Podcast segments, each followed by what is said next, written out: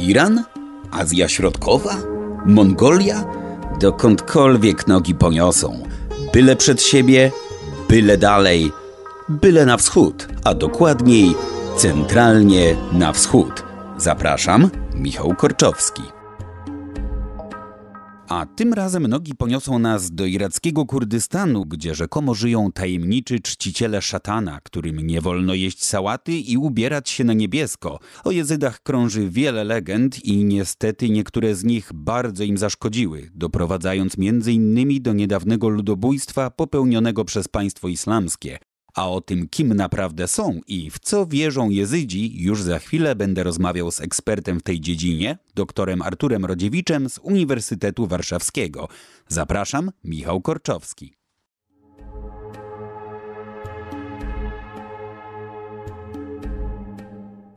Ja po raz pierwszy z jezydami, może nie osobiście, ale z samym terminem jezydzi, zetknąłem się czytając prozę H.P. Lovecrafta, dokładnie opowiadanie Koszmar w Red Hook. I do dziś pamiętam, choć minęło prawie 20 lat, odkąd czytałem to opowiadanie, do dziś pamiętam bardzo sugestywny opis. Ostatni perscy czciciele szatana. Tak, to rzeczywiście podziałało mi na wyobraźnię. Co prawda, potem, gdy już zapoznałem się z trochę bardziej merytorycznymi źródłami wiedzy dotyczącymi jezydów, okazało się, że no, była to wyłącznie, niemal wyłącznie kreacja literacka i rzeczywistość nie jest aż tak ponura, nie jest aż tak złowieszcza, jakby się być może chciało, albo przynajmniej jakby chcieli wielbiciele horrorów. Ale skoro już mówimy o faktach i rzeczywistości, to wypadałoby raczej, żebym oddał głos panu. Kim właściwie są Jezydzi? Wiem, że to jest pytanie o ogromnym stopniu ogólności i pewnie można by rozpocząć wypowiedź teraz, a zakończyć się za kilka tygodni, ale zacznijmy właśnie od tej fundamentalnej kwestii. To ja zacznę od y, Lovecrafta, y, bo wbrew pozorom to też jest obszar y, wiedzy. Zupełnie na marginesie powiem, że E, mój przyjaciel, który też zajmuje się jezydami, e, e, od lat pisze książkę na temat obecności jezydów jako fikcji literackiej i zbiera wszelkie możliwe źródła na temat jezydów, które nie są źródłami naukowymi. Więc to też jest ciekawy obszar wiedzy, natomiast, no, tak jak pan powiedział, to co on tam wypisuje, no niewiele ma wspólnego z rzeczywistością, aczkolwiek pisze w momencie, kiedy budzi się zainteresowanie jezydami. E, to ja jeszcze proszę mhm. zapytam, bo to bardzo mnie zaciekawiło. Nie jak się może ma do meritum naszej rozmowy, ale mhm. czy pana znajomy zbierający właśnie tego rodzaju materiały, znajduje ich dużo? Czy takich zmianek jest sporo? Tego wbrew pozorom trochę jest, dlatego że e, w okolicach powiedzmy e, przełomu wieków pojawia się masa śmieciowej literatury. No, takich jakichś kryminałów, horrorów dziesiątej ligi i tam się te wątki pojawiają. Zazwyczaj ma tytuł Czciciele Diabła i coś tam, prawda, jakieś fantastyczne e, rzeczy. Też y, y, mamy literaturę taką parapodróżniczą w rodzaju naszych tomków, tylko pisaną na zachodzie. Więc trochę tego jest. Po Podróże gabinetowe. Po, tak? tak, tak. Po francusku, po włosku. Nawet rosyjskie są publikacje, publikacje aczkolwiek anonimowe, pisane w tym okresie, więc Przyznam, że byłem zaskoczony. Z czasem zacząłem mu pomagać, y, szukać tej literatury i y, nawet wczoraj znalazłem jakąś rzecz kompletnie nieznaną, więc coś się działo. E, tylko jak mówię, y, to nie jest działka naukowa. Ja tutaj bardziej naukowo się zajmuję, więc przechodząc do Pana pytania, odpowiem na nie. A tak, żeby nie odpowiedzieć. Wyobraźmy sobie, że siedzimy teraz w irackim Kurdystanie, y, y, y, jesteśmy dwójką jezydów i jeden pyta drugiego, no to powiedz pan, kto to są ci chrześcijanie. Prawda? Trudna sprawa. Więc cokolwiek ja powiem, to mówię jako człowiek kompletnie z zewnątrz. I to podwójnie. E, po pierwsze, dlatego z zewnątrz, że nie jestem z tamtego obszaru geograficznego. Po drugie, dlatego, że jezydzi są grupą, która jest grupą endogamiczną, zamkniętą. Nie można się konwertować na tę religię czy tę kulturę, trzeba się urodzić jezydą. W związku z czym y, cokolwiek będę tutaj y, panu mówił, mówię to jako osoba z zewnątrz, która może mieć zupełnie skrzywioną optykę i, i to trzeba brać pod uwagę. E, więc chyba nie potrafiłbym tak wprost powiedzieć, kim są Jezydzi. Poza tym, że jest to jakaś wspólnota, którą od lat badam, e, która ma swoją nazwę, której Pan użył, czyli jezydzi, co do której panuje rozbieżność, powiedzmy, wśród ludzi zajmujących się jezydami, co to w ogóle znaczy, a być może jeszcze większa rozbieżność wśród samych jezydów. E, poza tą nazwą używają innych nazw na określenie swojej grupy, na określenie swojej religii, więc nawet trudno powiedzieć, że my wiemy, jak oni się nazywają. Dlatego, że y, y, można też usłyszeć takie określenie jak Daseni na tę samą grupę, jak się wydaje. Albo określają siebie jako Sharfadin, czasami mówią, że to jest określenie ich religii, więc rzecz jest straszliwie, straszliwie zagmatwana, na dodatek zagmatwana przez dwa czynniki. Po pierwsze, to jest a, grupa i religia, gdzie nie ma żadnej świętej księgi i w zasadzie wszystkie informacje były przekazywane ustne, ustnie od początku powstania tej grupy i tej religii. Choć tu pozwolę sobie na mhm. wtrącenie. Ja akurat przygotowując się do naszej rozmowy, kilkukrotnie natrafiłem na wzmianki o nawet nie mhm. jednej, a dwóch świętych księgach, jakoby istniejących. E, oczekuje pan komentarza. E, tak, tak, zdecydowanie. To jest tak. Y, w 1911 roku y, karmelita z Bagdadu, y, który nazywa się Anastazy Maria, publikuje w piśmie Antropos, etnograficznym czasopiśmie naukowym światowej rangi, artykuł na temat dwóch świętych ksiąg. Znalazł dwa przedziwne teksty napisane w przedziwnym alfabecie, który nie ma y, y, jakiejkolwiek analogii nigdzie. Ale bez problemu poradził sobie z odczytaniem, tak? Tak, ale jakoś udało się to odszyfrować, dlatego że w tym samym okresie znaleziono jeszcze kilka kopii tych samych dwóch tekstów, o których Pan mówi. I tu się pojawiła zagadka, czy świat naukowy dostał się do y, świętych ksiąg tajemniczych jezydów, czy nie. Jak się wydaje, nie są to święte księgi, tylko to są teksty e, sfabrykowane przez, przepraszam, uciekiniera z jednego z monastyrów lokalnych, e, monastyru e, w Barteli albo w Rabban, Rabban Hormus w miejscowości Alkusz, który na użytek zachodnich badaczy po prostu coś takiego napisał i dobrze to sprzedał. To też jest okres, kiedy dużo falsyfikatów się pojawia i jest y, y, duży popyt na Zachodzie na tego rodzaju tajemnicze teksty, no i one się oczywiście jest pojawiają. Popyt, jest podaż, jak mawiają. Dokładnie tak. W związku z czym prawdopodobnie mamy do czynienia z falsyfikatami, e, i pismo, y, którym napisano jedne z tych, czy dwa te teksty, ale jedno z wersji, bo mamy kilka wersji tych tekstów, też jest pismem e, e, wymyślonym przez kogoś, nie wiemy przez kogo. Bardzo ciekawe pismo, to w ogóle osobna, że tak powiem, e, wręcz dyscyplina to pismo jezyckie. Sami jezydzi tych ksiąg nie uznają za księgi kanoniczne ani za księgi święte, aczkolwiek w ich tradycji ustnej pojawiają się informacje, że teksty o podobnej nazwie mogły istnieć kilkaset lat temu. W związku z czym są znowuż dwie możliwości. Albo to, co mamy, jest jakąś resztką, resztką, resztką odpisów i jeszcze przerobione to zostało, e, więc jest to taki falsyfikat nie do końca. E, albo były teksty o identycznej nazwie, po prostu zaginęły, zostały zniszczone i mamy falsyfikat stuprocentowy. Ktoś po prostu wiedział, że takie teksty tak. istniały, może nawet nie miał konkretnej ugruntowanej mm -hmm. wiedzy, ale bazując na jakichś tam reminiscencjach mm -hmm. faktów popełnił w celach merkantylnych, nazwijmy to takie falsyfikaty. Właśnie tak? tak. Natomiast jeszcze jedną rzecz trzeba dodać.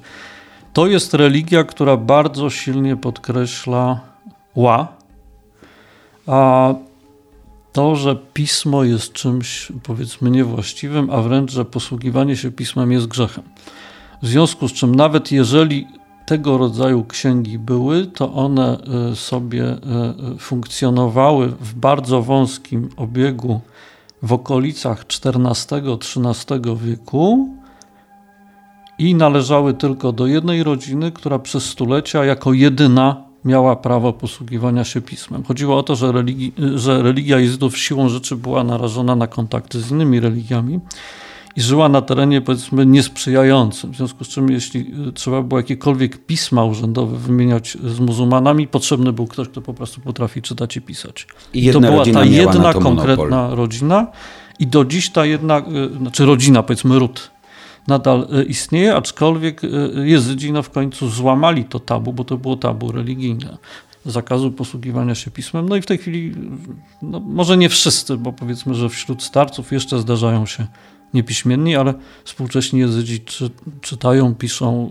Domyślam się, że akurat książki. niepiśmienni starcy to zjawisko niekoniecznie wynika bezpośrednio z przestrzegania ortodoksyjnie tabu religijnego. Wynika bezpośrednio z, z, tego właśnie tabu i y, powiem panu, że Chyba trzy lata temu rozmawiałem z człowiekiem, który dopiero co umarł, który był jednym z większych znawców y, y, religii jezydów, sam będąc jezydą y, z kasty pirów. Jeśli pan mnie spyta, co to jest kasta pirów, to, to potem odpowiem. O to zamierzałem pytać później. Tylko powiem w czym rzecz.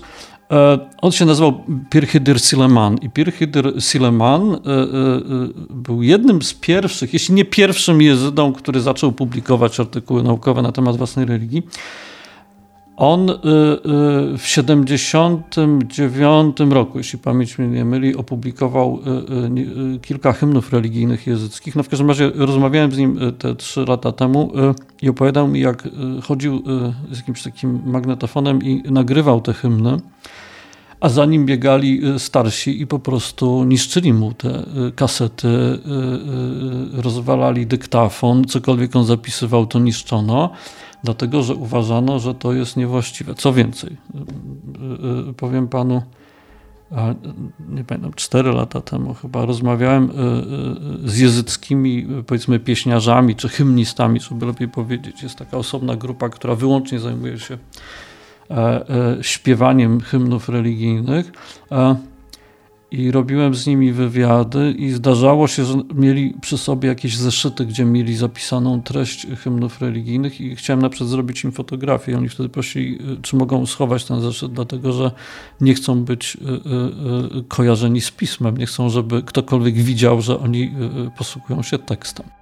Czyli pismo w sensie pragmatycznym, w sensie użytkowym jest już dozwolone, ale to cały czas pozostaje dotyczy... ta rezerwa. Tak. Ciekawe. Mhm. Dobrze, ale nie chciałbym tutaj tak zagaić teraz w stylu bardzo tabloidowym, popkulturowym na wskroś, ale żeby tak może jakoś wejść na właściwe tory, jeżeli chodzi o samych jezydów, mhm. zacznijmy może jednak od tego, od czego bym nie chciał zacząć. Jak to z tym ich rzekomym czczeniem szatana?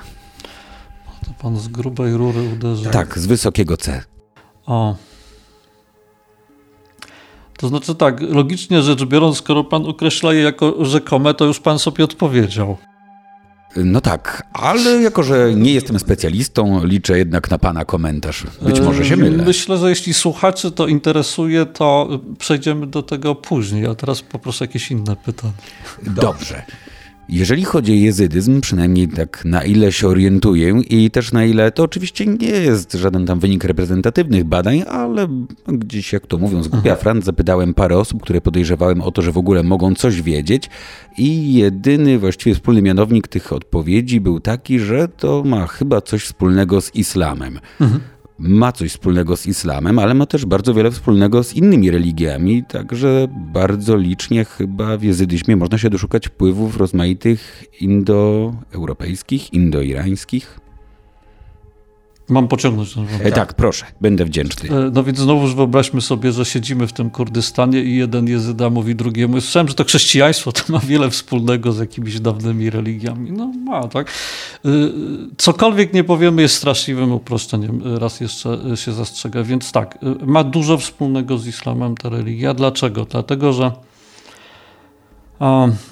w momencie, kiedy przyjmuje z grubsza postać taką, e, e, która się utrwali później przez stulecia, czyli okolice powiedzmy między XII a XIV-XV wiekiem, e, wówczas może nie główny ton, ale jedno ze źródeł, które ma wpływ na kształtowanie się powiedzmy linii teologicznej tej religii, to są ludzie wywodzący się e, e, e, z kultury muzułmańskiej. Za samego twórcę religii uważa się muzułmańskiego mistyka, który nazywał się Adi ibn Musafir. Jezydzi nazywają go Shihadi a, i uważają za wcielenie Boga na ziemi. Więc to już nie jest islamskie, że tak powiem, podejście. Natomiast sam fakt, że twórca albo jeden z twórców tej wspólnoty czy tej religii jest muzułmaninem, jest dość istotny. Więc e, to jest religia, która z tego co wiemy, czy z tego co e, rekonstruujemy jej e, korzenie, bo jak mówię, jest problem ze źródłami pisanymi, tak? To, co wiemy o początkach, wiemy od chrześcijan i od muzułmanów, nie od jezydów, bo ci nie pisali. E, więc e, możemy z dużą dozą prawdopodobieństwa przypuszczać, że e, jest to religia sformułowana w środowisku sufickim. Jeśli słuchacz nie wie, co to jest środowisko sufickie, to wyjaśniam. Sufizm to jest mm, obszar islamu, który jest związany z mistyką, czyli z przekonaniem, że jest możliwe wejście w bezpośredni kontakt z Bogiem tu i teraz, w różnych stanach ekstatycznych, modlitewnych i tak dalej, i tak. I sufizm e, jest e, takim ruchem mm, niezwykle energetyzującym islam od samych początków e, jego powstawania, aczkolwiek ruchem, który pozwalał sobie wchodzić w obszary heretyckie, w związku z czym a Ortodoksyjni y, muzułmanie często dystansują się względem sufizmu, ale zarazem trzeba przyznać, że y, islam był przez sufich rozwijany, dlatego że najwięksi teolodzy islamu to byli sufi bardzo często. I teraz, jednym z tych sufich był Adi ibn Musafir, który pojawił się w górach Hakari w dolinie Lalisz, gdzie jest y, jedyna na świecie świątynia jezycka, chyba tak można powiedzieć i tam się to wszystko zaczęło. I on stworzył y, y, pewną grupę religijną, to się nazywa w sufizmie tarikat, czyli drogę, pewną formę uprawiania islamu mistycznego, e, e, złożoną ze swoich zwolenników, ze zwolenników jego rodziny, nie, e, nie jakby to panu powiedzieć. Należy pamiętać, że on nie był też z pochodzenia kimś nieznanym, ale pochodził z rodu umajackiego i żył w czasach, kiedy ród umajacki nie był już e, e, rodem rządzącym w świecie islamu. I pojawił się w środowisku, gdzie wciąż żyli zwolennicy Umajadów, którzy widzieli w nim osobę wyjątkową, przedłużenie rodu, który wcześniej czcili. W związku z czym wiele czynników sprawiło, że on stał się osobą wyjątkową, ale zarazem on wniósł pewne elementy islamu i sufizmu w środowisko, które, jak mówię, było sprzyjające wcześniejszej, można powiedzieć, najwcześniejszej wersji islamu e, i, jak się wydaje, różnych grup lokalnych, które islamu nie wyznawały. W związku z czym powstała w efekcie religia, która składała się z elementów islamu i właśnie tego jakiegoś substratu, który próbujemy teraz rekonstruować. Zdaniem niektórych badaczy to byli Zoroastrianie, zdaniem moim e, być może byli, ale e, inne grupy odgrywały tam ważną rolę. Przypuszczalnie byli tam też Nestorianie, czyli jeden z odłamów chrześcijaństwa. I te różne e, typy, powiedzmy, różnych religii skumulowały się w jednym miejscu, w jednej dolinie i w efekcie, wskutek pewnych przemian, stworzyły nową grupę jezdów. A zaczęło się zasadniczo właśnie od sufickiego bractwa, tak? Chyba. Chyba. Chyba, dlatego że tak, jak pan teraz pojedzie do Jezydów, to oni sami rzecz jasna też chcą wiedzieć, jak to było. E, I rzecz jasna nie wiedzą, w związku z czym próbują kombinować. E, I teraz e, z grubsza są dwie grupy wśród nich. Część z nich twierdzi, że Adi ibn Musafir, czyli ten mistyk muzułmański, założył tę religię od samego początku dogadując się z przedstawicielami e, innych lokalnych wyznań i powstała jakaś taka przedziwna, eklektyczna religia, a druga grupa jezydów uważa, nie, ten człowiek przyjechał i rozwalił to, co najcenniejsze. Zdeformował naszą prawdziwą religię, która ich zdaniem była religią zoroastryjską albo religią opartą na kulcie sił przyrody. Oczywiście jedna i druga grupa wymyśla, bo nie wiemy jak było, ale w przypadku, przepraszam, gdy tak. zarzuca mu się, że zdeformował pierwotne mhm. wierzenia, to właściwie Chyba taka postawa jest daleka od darzenia go czcią, jeżeli dobrze rozumiem. Tak, dlatego, że y, y, obecnie pojawia się coraz silniejszy nurt y, wśród jezydów, żeby jakoś próbować właśnie dyskredytować Adiego ibn Musafira. Zarazem wydaje się, że to jest cios w samo serce religii. To jest mniej więcej tak, jakby chrześcijanie stwierdzili, nie, Chrystus nie był Bogiem. No okej, okay. no to mamy y, coś innego, to już nie jest chrześcijaństwo wtedy. E, y, więc być może ci ludzie nie zdają sobie z tego sprawy. Natomiast tutaj jeszcze jedną rzecz trzeba dodać, bo zakładam, że przynajmniej część z Pana słuchaczy y, interesuje się Kurdystanem i Kurdami i w tym kontekście będzie słuchało tej audycji. Trzeba dodać coś, o czym rzadko się mówi i rzadko się y, y, pisze, przynajmniej powiedzmy w literaturze zachodniej, bo w literaturze ormiańskiej na przykład pisze się o tym dosyć często. Mianowicie y, Jezydzi ze względu na to, gdzie mieszkają i ze względu na to, jaką rolę polityczną chcą im nadać Kurdowie, stali się ofiarą geopolityki i polityki y, y, kurdyjskiej współczesnej. I to się ściśle wiąże z kwestią Adiego ibn Musafira, dlatego że o ile za czasów y, Saddama w Iraku Saddam próbował grać y, kartą jezycką i y, wmawiać Jezydom, że oni, y, Jezydom, że są Arabami i nie mają nic wspólnego z Kurdami. O tyle po obaleniu Saddama Kurdowie starają się wmówić Jezydom, że są Kurdami i nie mają nic wspólnego z Arabami. Adi ibn Musafir był Arabem, w związku z czym pojawiają się teorie, albo zdeformował waszą religię, albo on nie był żadnym Arabem. Tak?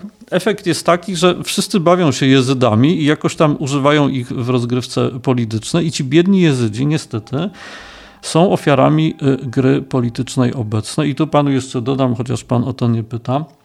E, niedawno zmarło dwóch głównych przywódców y, jezyckich. Y, zmarł główny przywódca świecki, tak zwany Mir, czyli książę jezydów, Mir Teksin Bek i zmarł tak zwany Baba Sheikh, czyli ojciec szejchów, odpowiednik powiedzmy z grubsza papieża. Czyli Jezydzi w tym samym roku stracili głowę y, y, y, religijną i głowę świecką i trzeba było wybrać nowych. E, nowych wybrano w ten sposób, że i to jest coś, co by się nie spodobało Jezydom, to co mówię teraz, przynajmniej części z Jezydów, po prostu Kurdowie narzucili swoich przedstawicieli. E, w efekcie o mało nie doszło do wojny domowej wśród Jezydów. E, wybrano e, głowę religijną, czyli właśnie babę szejcha nowego, który w ogóle nie miał poparcia wśród zwykłych Jezydów. Zwykli Jezydzi chcieli zupełnie kogoś innego, a jakieś tam prawo nacisku mieli co do, co do wyboru. Nikt ich nie słuchał, po prostu stwierdzono, że to będzie ten człowiek, a nie, nikt inny, bo on jest potrzebny w polityce kurdyjskiej. I jak mówię, mało nie doszło do wojny domowej, dlatego że w momencie, kiedy to się działo, a generał, powiedzmy, czy nie wiem, jak on ma funkcję wojskową, przywódca oddziałów jezyckich, powiedział: Jeżeli ten człowiek zostanie wybrany, to ja z moimi oddziałami przychodzę do Lalisz i y, to uniemożliwia. Więc część duchowieństwa powiedziała, nie wolno ci tego zrobić, bo po prostu będzie potworna rzeź.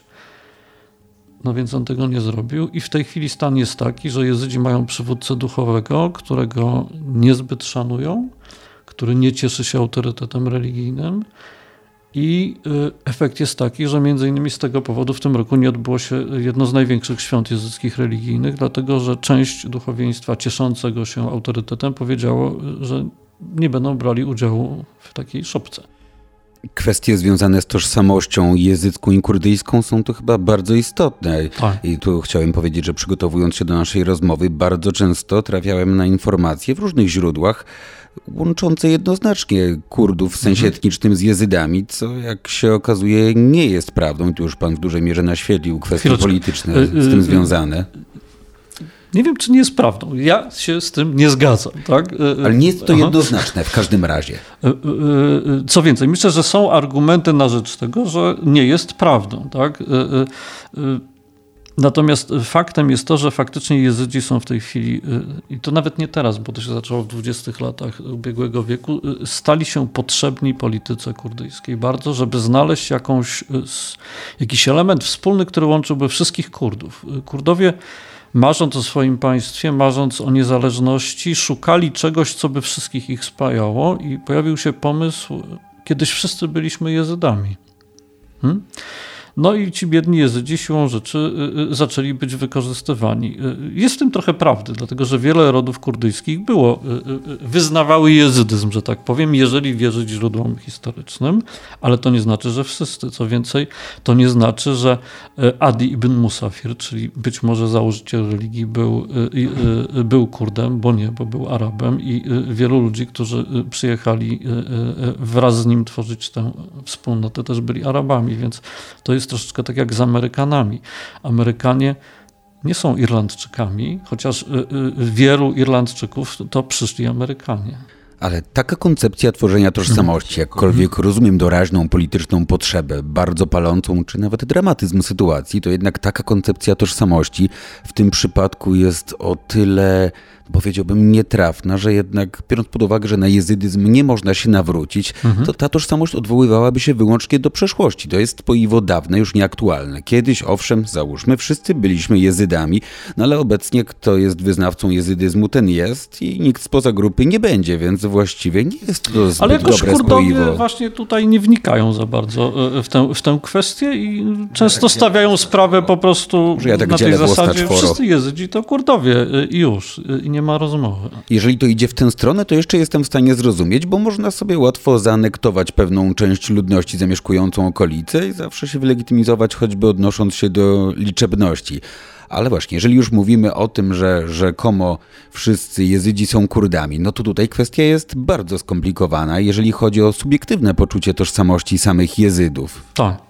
E, I to też jest ciekawa rzecz, dlatego że Powiem tak, w część, y, y, może jeszcze inaczej, powiedzmy sobie, gdzie żyją Jezydzi, bo to jest ważne. Y, głównym matecznikiem, czy ojczyzną Jezydów jest teren północnej Mezopotamii. To są obszary zwane szejhanem, czyli terenów, gdzie żyją szejchowie, czyli powiedzmy przywódcy religijni i to są okolice góry Sinjar, czyli blisko granicy syryjskiej. To są takie dwa główne ośrodki na terenie obecnego Iraku.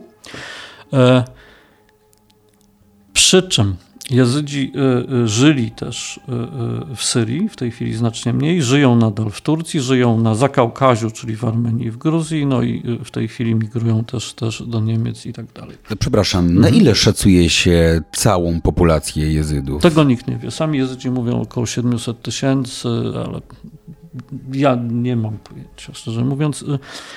I może powiem tak, metodologicznie jest to trudne do zrobienia, dlatego że y, nie mamy wiarygodnych danych. Jezydzi w efekcie prześladowań nie zawsze chętnie się przyznają, że są jezydami, więc pytanie, kto by zrobił taki spis powszechny. Te spisy mogą być wiarygodne, jeśli chodzi o Gruzję, jeśli chodzi o Armenię, bo tam Jezydzi przyznają się do bycia Jezydami. Natomiast jeśli chodzi o Irak, Syrię i Turcję, to już tu nie byłbym pewien. Tak? E, natomiast dlaczego ja mówię o tych diasporach y, y, i o mateczniku? Dlatego, że jeżdżąc po tych miejscach y, i pytając między innymi o tożsamość Jezydów, bo oczywiście moje teorie to są moje teorie, teorie innych naukowców to są ich teorie, a y, ciekawy jest głos, że tak powiem, głównych zainteresowanych. To powiem panu tak jak się rozmawia z częścią Jezydów y, w irackim Kurdystanie, to oni mówią, no my jesteśmy Kurdami. Druga część ich sąsiadów mówi, ale skąd my jesteśmy Jezydami? Wystarczy pojechać kilkadziesiąt kilometrów dalej na teren, którego już nie obejmuje y, region Kurdystanu, do miejscowości Bashika i Bagzani, gdzie ludzie mówią y, po arabsku i, i, i to są Jezydzi. I oni na pytanie, kim jesteście, mówią, jesteśmy Irakijczykami. Wystarczy pojechać do Armenii i Gruzji i spytać, kim wy jesteście. Powiedzą, jesteśmy Jezydami, nie mamy nic wspólnego z Kurdami y, y, y, i w ogóle Kurdowie to są ludzie, których nie lubimy. Więc zależnie od miejsca, gdzie się rozmawia i od polityki bieżącej, mamy inny stosunek do własnej tożsamości. I jeszcze panu dodam jedną rzecz ciekawą E, Armenia jest chyba najciekawszym krajem pod tym względem, dlatego że w Armenii doszło do tego, że parlament uznał, parlament państwa armeńskiego, że język, którym posługują się Jezydzi, to jest osobny język względem języka kurdyjskiego, co nie ma podstaw e, e, filologicznych, ale ze względów politycznych było to bardzo potrzebne, żeby odróżnić Jezydów od Kurdów, jako że Kurdowie Ormianom kojarzą się z tymi, którzy dokonywali ludobójstwa na Ormianach i są muzułmanami. a jezydzi to są tacy dobrzy jezydzi y, ormiańscy, w związku z czym ci biedni jezydzi w Armenii też się stali y, y, pionkiem w grze politycznej lokalnej i tam ich bardzo skonfliktowano z Kurdami. Podobnie trochę rzecz wygląda w Gruzji w tej chwili, więc no, nie mają szczęścia do polityki. Jedno w każdym razie jest pewne, tu śmiało można pokusić się o konkluzję, że w przypadku jezydów nie ma prostej zależności pomiędzy tożsamością etniczną a religijną. To nie jest religia ściśle etniczna.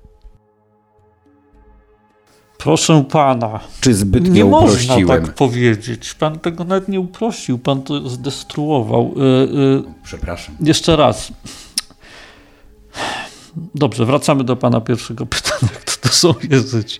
E, mamy do czynienia z grupą, a, y, i celowo odpowiadając panu nie używałem innych określeń, dlatego że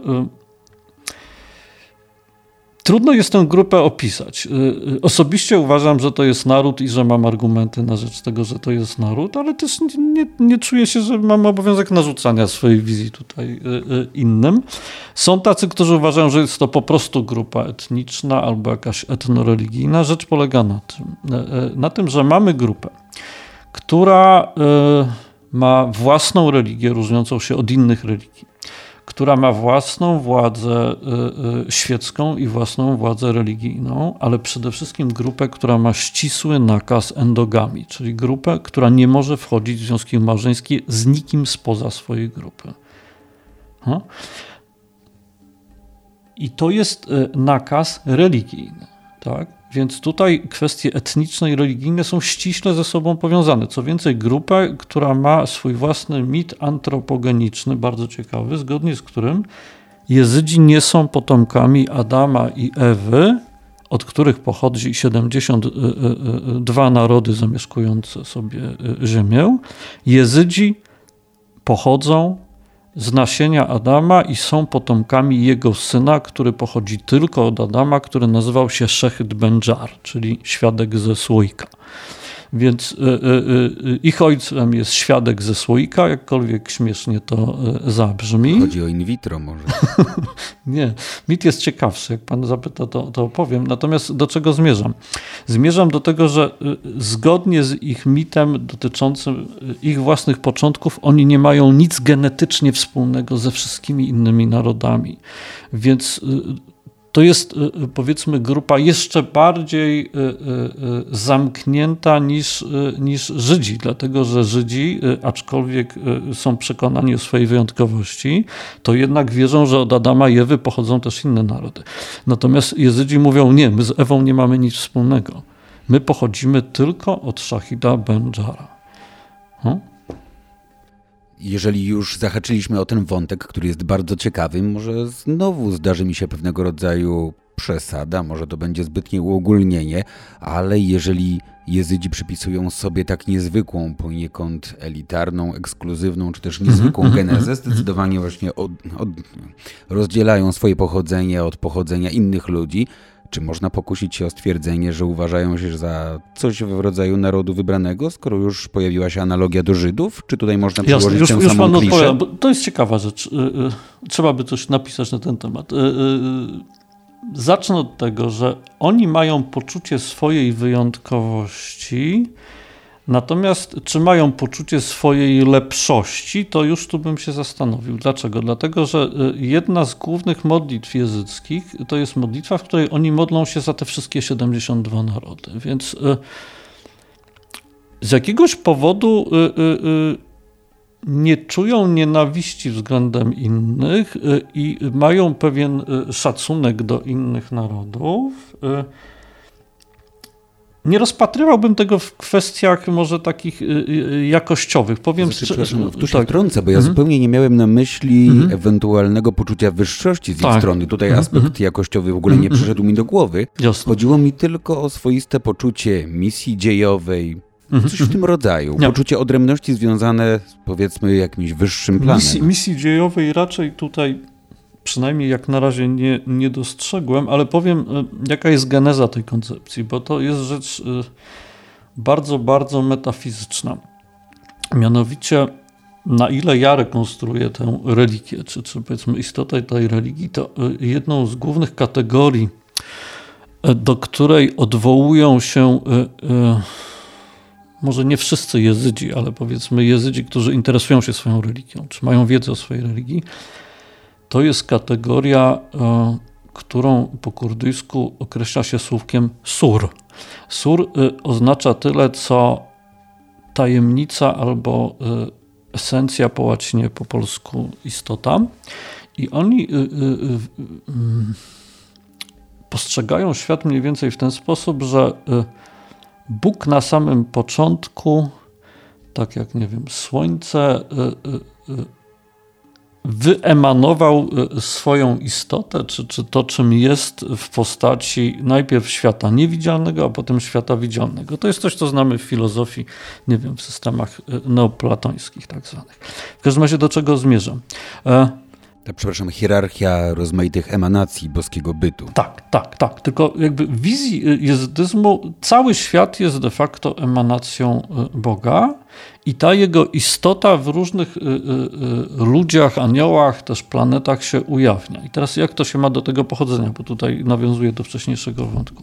Zgodnie z ich mitem, a w momencie, kiedy był tworzony człowiek, Bóg przekazał tę swoją tajemnicę czy istotę jednemu z aniołów, i ten anioł umieścił ją w człowieku. E, a następnie została zabrana Adamowi i została przekazana jego synowi. Innymi słowy, Jezydzi są narodem, czy religią, czy grupą, która odziedziczyła istotę Boga, natomiast potomkowie Ewy już jej nie mają. Jeżeli dobrze rozumiem, mhm. W związku z tym, że to oni jako jedyni odziedziczyli istotę Boga, tylko oni dostąpią pewnego rodzaju mistycznego pojednania z boskim bytem, z boskim absolutem? Nie, nie, nie. Tu, tutaj jakby ten wątek inaczej. Na tyle, na ile ja rzecz zbadałem, yy, yy, oni nad innymi się specjalnie nie zastanawiają. Natomiast eksplorują ten wątek na własne potrzeby i to, co podkreślają, i to jest cecha nie tylko jezydyzmu, dlatego że mamy kilka religii regionu, która ma podobne przekonanie, mianowicie, że w różnych epokach ta istota ujawnia się w różnych inkarnacjach. To też jest religia, która opiera się na, na, na e, wierze w to, że dusza przechodzi przez cykl wcieleń. Więc wierzą, że ta istota e, e, Boga ujawniła się, czy przejawiła się między innymi w kalifie umajackim Jezydzie ibn Muawi i to właśnie mamy etymologię. Już od paru chwil zapytać o niego, jakoś sobie nie mogłem odmówić właśnie, czy nie mógłbym sobie odmówić, bo dotąd tego nie zrobiłem właśnie w związku z etymologią. Ale proszę, oddaję panu głos. No właśnie, oczywiście. więc y, Jezyd ibn Muawija, kalif umajacki, wczesny, wczesny kalif y, y, islamu, miał być tym, w którym ta istota się ujawniła potem ujawniła się w jego dalekim potomku, czyli właśnie Adim ibn Musafirze, e, e, który... Przepraszam, jeżeli hmm, mogę się tak. wtrącić, bo tak na ile się zorientowałem, to kalif miał cechować się dość nieortodoksyjnym podejściem do pryncypiów islamu. E, teraz rozwijamy przypis do, do przypisu. Ja przepraszam, że tak wzdycham i chrząkam, ale Rozumiem. Powiem, z czego to wynika zupełnie szczerze. E, na szczęście rozmawiamy po polsku, e, w związku z czym, jeśli ten wywiad nie będzie przetłumaczony, to ma szansę nie za bardzo zaszkodzić jezdom. Nie wszystko Jezydzi mówią y, chętnie innym, a jeśli mówią, to y, wtedy, kiedy obdarzą ich zaufaniem. I wielu rzeczy, y, powiem zupełnie szczerze, jako badacz tej religii mam nieustanny problem, co mogę napisać na przykład, czy powiedzieć, a czego nie mogę napisać lub powiedzieć. Z dwóch powodów. Po pierwsze, żeby nie zaszkodzić tym ludziom. A y, drugi powód jest taki, że często na przykład jezydzi w rozmowie mówią, to coś jest tak bardzo tajne, że y, y, przysięgnij, że tego nie wyjawisz. No i wtedy... To jest poważny problem etyczny, zważywszy tak, na fakt, duży. że w przypadku jezydów zagrożenie mhm. jest bardzo realne. Tak. O czym zresztą też chciałbym jeszcze dzisiaj porozmawiać. No, no właśnie, w związku z czym przykładowo pyta mnie pan o jezyda ibn Muawija, tak? To jest postać, która nie ma dobrej sławy y, w islamie. I teraz na Pana pytanie mogę odpowiedzieć na dwa sposoby. Mogę powiedzieć tak, jezydzi pochodzą od Jezyda ibn Ławi. Efekt jest taki, że y, fanatyczni y, szyici biegną do nich i ucinają im głowy. A mogę powiedzieć nie, to nie ma nic wspólnego z Jezydem ibn Ławiją i w ten sposób jezydzi mają święty spokój. Tak? Pytanie, czy chcemy znać prawdę? E, jak to wszystko tutaj wyważamy? E, e, więc ja powiem tak, jako że pan mnie spytał o Jezyda ibn Muawiyę.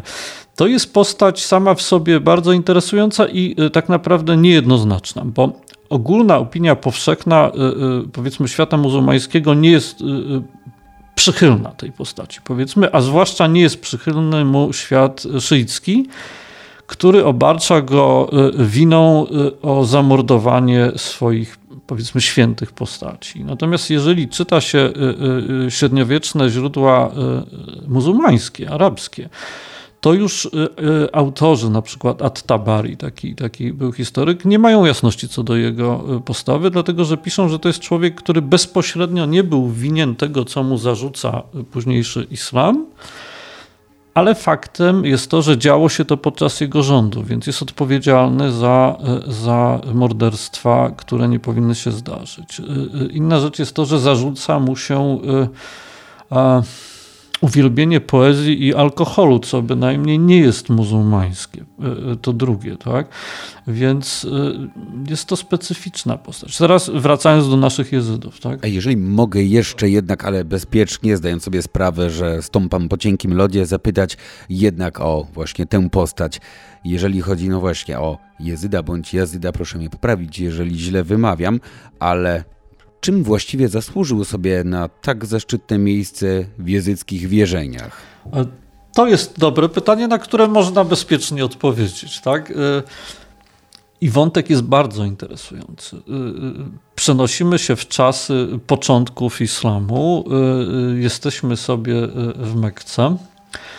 I w momencie, kiedy w Mekce pojawia się Mahomet, tam już jest kult religijny, ale nie muzułmański. Jakieś dżiny i różne inne? Nie wiem, czy dżiny, no w każdym razie jest tam jakiś kult religijny y, i rodzina, która ma we władaniu, powiedzmy, Mekkę, czy czerpie korzyści materialne y, y, z tego kultu religijnego, z tego, że tam przyjeżdżają jacyś wierni, zaczyna tracić grunt pod nogami, dlatego że pojawia się Mahomet, niszczy jakieś tam symbole religijne, które znajdowały się w Mekce. E, i wprowadza nową religię. I teraz co się dzieje? E, e, po czasie, kiedy kalifami zostaje, zostają przedstawiciele rodu umajackiego, oni nie za bardzo chyba sprzyjają na początku islamowi. To znaczy, są związani z tą religią, natomiast gdzieś tam ich korzenie sięgają czasów przedislamskich i starego kultu. I teraz jak to się ma do jezydów? Y, y, wielu jezydów uważa, że ich religia to jest pierwotna religia Umajadów, którą chciał jeszcze zachować Jezyd ibn Muawija. I to, że on nie do końca był takim wiernym muzułmaninem, ich zdaniem świadczy o tym, że on był wierny właśnie starożytnej religii Mekki. E, I to, co oni chcieli zrobić, ich zdaniem u początku tej religii, to odtworzyć e, e, pramekkańską religię na terenie właśnie Ralisz w górach Kurdystanu. I dlatego to uwielbienie dla Jezida ibn Muawi jako przedstawiciela przedislamskiej religii. E, I naprawdę część Jezydów w to wierzy. E, co więcej, część przedstawicieli e, rodziny książęcej bardzo mocno w to wierzyła i nawet pozwalała sobie za czasów Sadama publikować po arabsku artykuły na ten temat że Jezydzi są potomkami e, rodu kurajszyckiego, e, a ich religia jest po prostu przedislamską religią e, dawnych Arabów. Przyznam, że właśnie tego aspektu mm -hmm. czytając mm -hmm. trochę, nie, nie trochę, mm -hmm. po prostu nie mogłem zrozumieć, bo mhm. może tu też spłycam całe zagadnienie, ale no, z obecnego, z islamskiego punktu widzenia ortodoksyjnego, prawowiernego, to co miało miejsce wcześniej, chyba można nazwać, jakkolwiek termin jest innego kręgu mhm. kulturowego, pogaństwem. To chyba nie jest nic godnego kultywowania. Jeszcze z perspektywy islamu to jest y, rzecz karygodna, to co się tam działo. Dlatego y, y, Mahomet wszystko to miał zniszczyć, co tam zostało w Mekce jako obiekty kultu. Natomiast jakby problem polega na tym, tak jak mówię, nie mamy źródeł. Trudno nam powiedzieć, kim był ten Adib Musafir. Zachowało się jego kilka tekstów. Z tych tekstów wynika, że był bardzo pobożnym sunnickim muzułmaninem. Ale być może rzecz wyglądała tak, że on sobie mógł być pobożnym muzułmaninem, ale trafił w środowisko, które y, chciało restytucji dawnej religii i widziało w nim po prostu to, co chciało widzieć. I on sobie, a oni sobie. Jest to bardzo możliwe. Niesamowite. Tak. Dla kogoś, kto jak ja jest laikiem i tak mhm. tak naprawdę pierwszy raz, no może któryś w ciągu kilku ostatnich mhm. dni styka się z takimi koncepcjami, to jest naprawdę niesamowite. Zwłaszcza jeżeli też wziąć pod uwagę, no to może już kwestia, że tak powiem, może też trochę na wyrost błędów teleologicznych, ale jeżeli spojrzeć na jezydyzm jednak z punktu widzenia historyka religii, mhm. jako na wierzenie bardzo, system wierzeń bardzo synkretyczny, eklektyzm, tu już powiedzieliśmy mhm, mniej mhm. więcej, co prawdopodobnie legło u podstaw, a nagle dowiadujemy się, że mamy tutaj odwołanie do tradycji przedmuzułmańskiej Mekki i ewentualnie jakieś dążenia do restytucji tamtych wierzeń, czy legitymowanie swojej, to złe określenie, jakoś się go uporczywie trzymam, ale nie misji dziejowej, ale pewnego rodzaju wyjątkowości właśnie przez odniesienie do tamtej zmitologizowanej tradycji. Może powiedziałem to lekko zagmatwanie, ale mhm. koniec końców w ogóle odwoływanie się do tamtych realiów z mojego laickiego punktu widzenia, amatorskiego punktu widzenia jest czymś niesamowitym, wręcz fantastycznym. To powiem y, dalej, y, y, kontynuując ten wątek, jeżeli przyjrzeć się temu świętemu miejscu, gdzie znajduje się grobowiec Adiego ibn Musafira, czyli mówimy o Dolinie Lalisz e, e, e, w północnym Iraku, to to jest kopia Mekki. To też nie jest przypadek, że są tam miejsca, które nazywają się identycznie jak miejsca w Mekce i sami Jezydzi w swoich mitach bardzo często opisują to miejsce tak samo, jak opisywana była Mekka. Więc oni troszeczkę przenieśli sobie Mekkę w Kurdystan, wzięli sobie człowieka y, z Mekki, tylko powiedzmy kilka pokoleń czy kilkanaście y, później i pyk, a to wszystko pewnego rodzaju, powiedzmy, może nie anturażu, ale właściwie w formie, teraz mi przyszło do głowy takie określenie, z punktu widzenia pobożnego muzułmanina ortodoksyjnego, jakaś to jest dziwna reakcja pogańska wręcz. Eee, Chyba. Jeszcze jedną rzecz dodam. Znaczy, wie pan, no, powinniśmy tydzień rozmawiać przynajmniej. O jeszcze jednej postaci warto powiedzieć, mówiąc o, o tym, jak to się prawdopodobnie zaczynało i, i o związkach z islamem.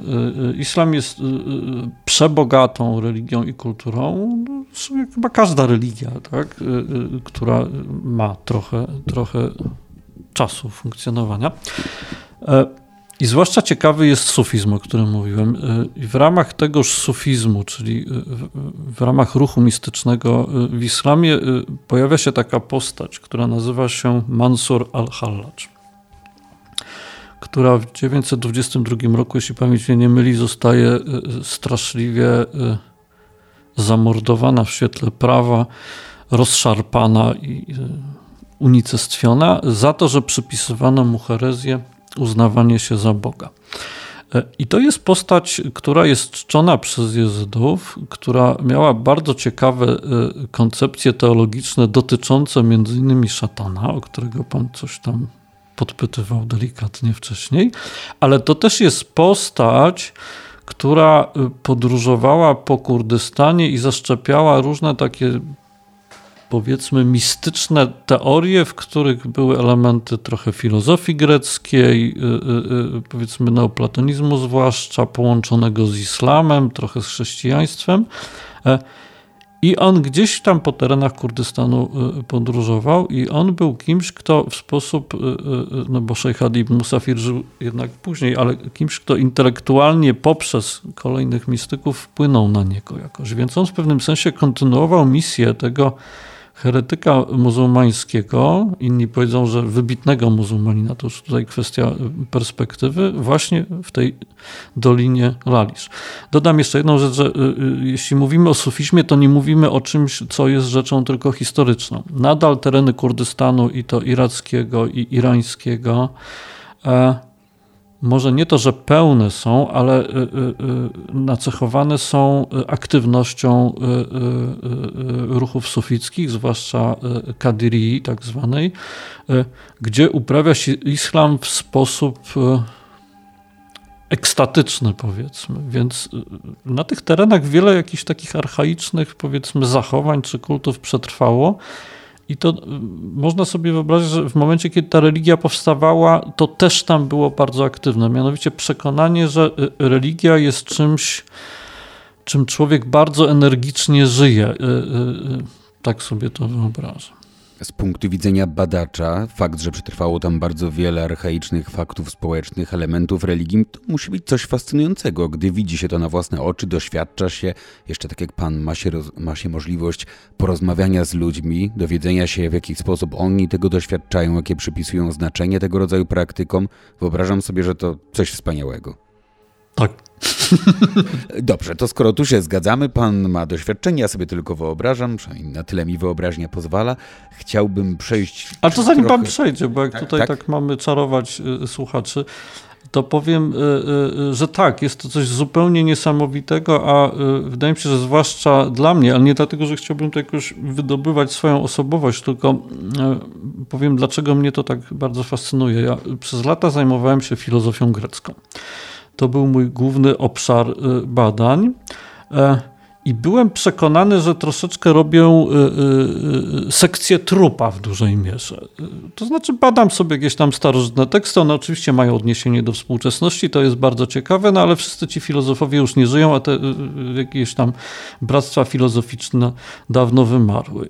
I nagle natrafiam na coś, co wygląda na kontynuację tejże filozofii, gdzie koncepcje są bardzo podobne, wręcz uderzające i y, człowiek w tym momencie głupieje, bo ma poczucie, że nagle spotyka przedstawicieli starożytnej filozofii greckiej, którzy siedzą sobie w górach Kurdystanu i tak jakby czas się zatrzymał. To jakby znaleźć taką ichtiostegę. Tak, dokładnie tak. Więc... I panu się to udało, złowił ją pan. Znaczy, no, coś, coś, coś tam się dzieje, tak, tak. Czyli ta ichtiostega panu się trafiła.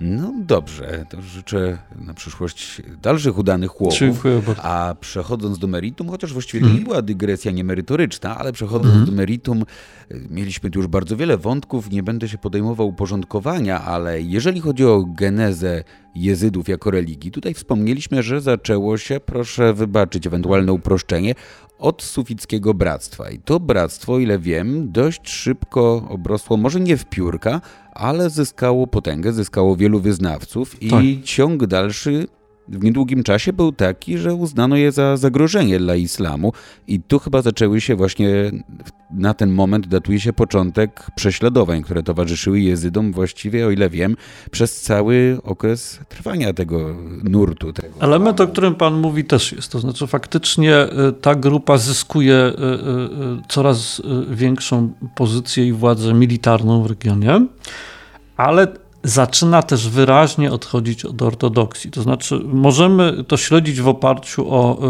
e, relacje, powiedzmy, pośrednie. Mamy fatły, czyli opinie e, religijne duchowieństwa czy teologów muzułmańskich, którzy piszą wprost, że jeden z przedstawicieli, czy ówczesny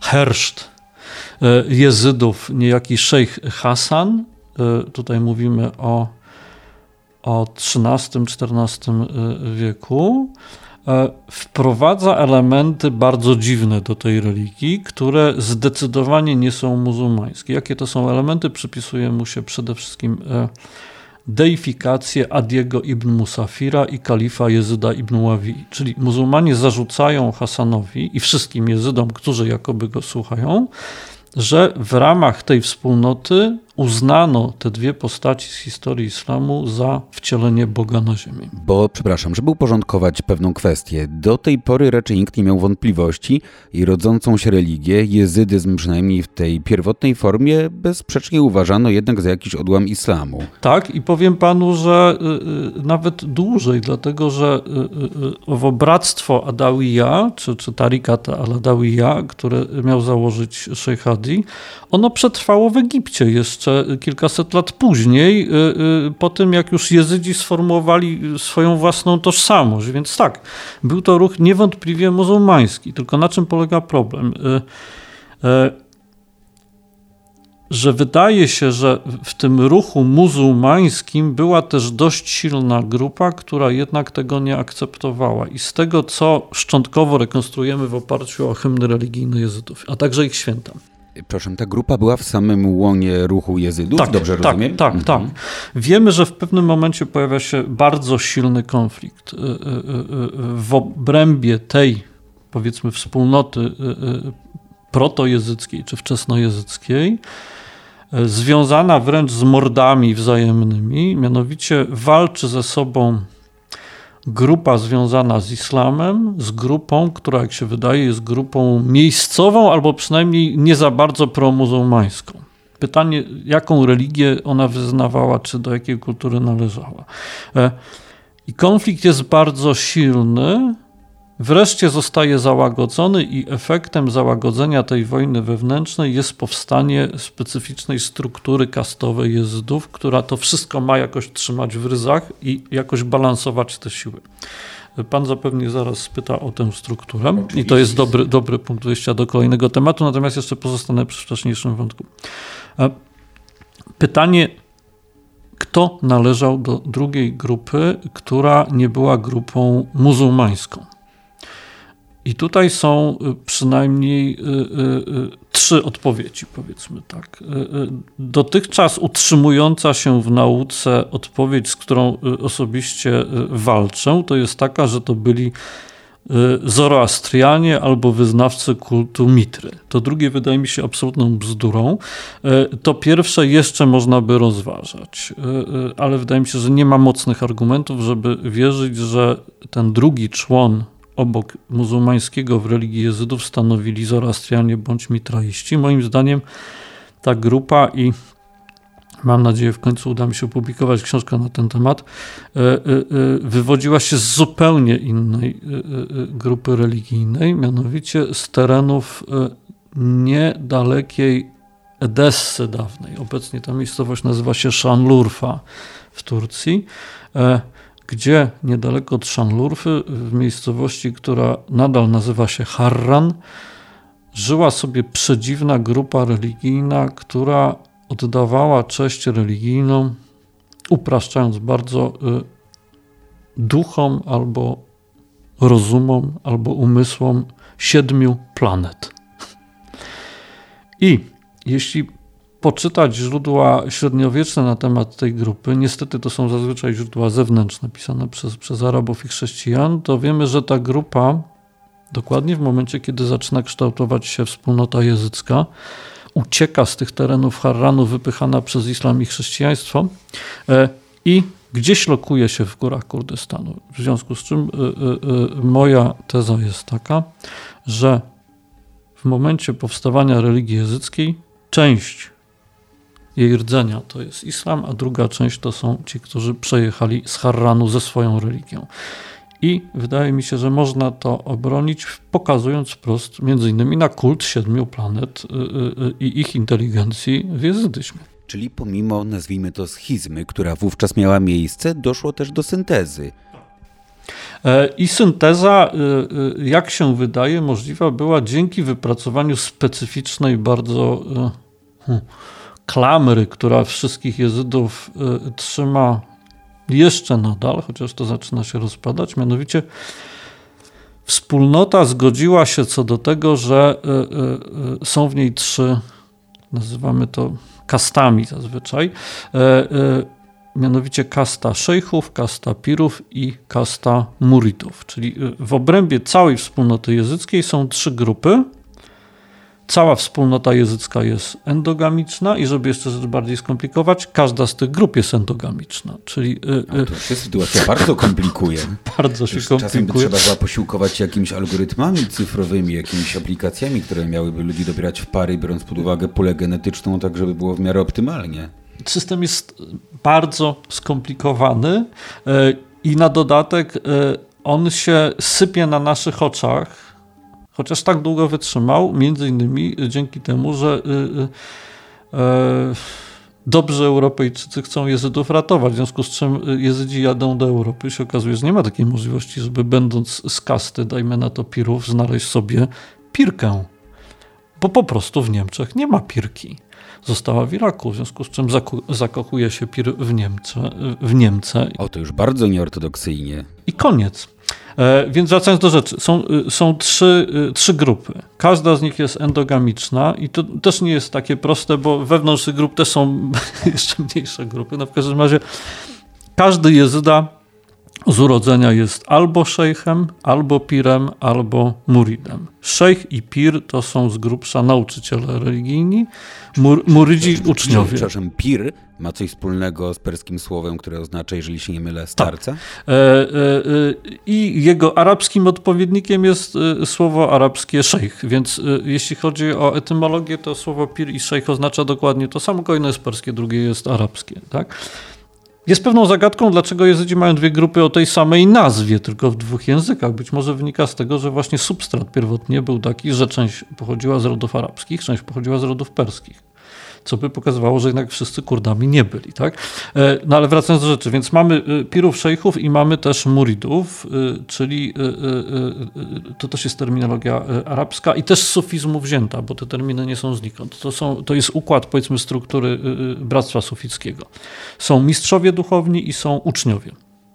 Czyli jeśli ktoś się rodzi w rodzinie jezyckiej, to albo z urodzenia jest pirem, albo z urodzenia jest szejchem, albo z urodzenia jest muridem tego się nie wybiera. Ale tu od razu powiedzmy, mhm. bo chociaż wspominamy mhm. o podziale kastowym, mhm. to jednak chyba warto zaznaczyć, mhm. że nie jest to podział kastowy tego rodzaju, jaki znamy chociażby z kontekstu Indii, bo wydaje mi się, że to jest pierwsze skojarzenie, jakie może u większości osób się pojawić, mhm. więc chyba warto powiedzieć, na czym ten konkretny podział, jaki występuje w społecznościach jezydów, polega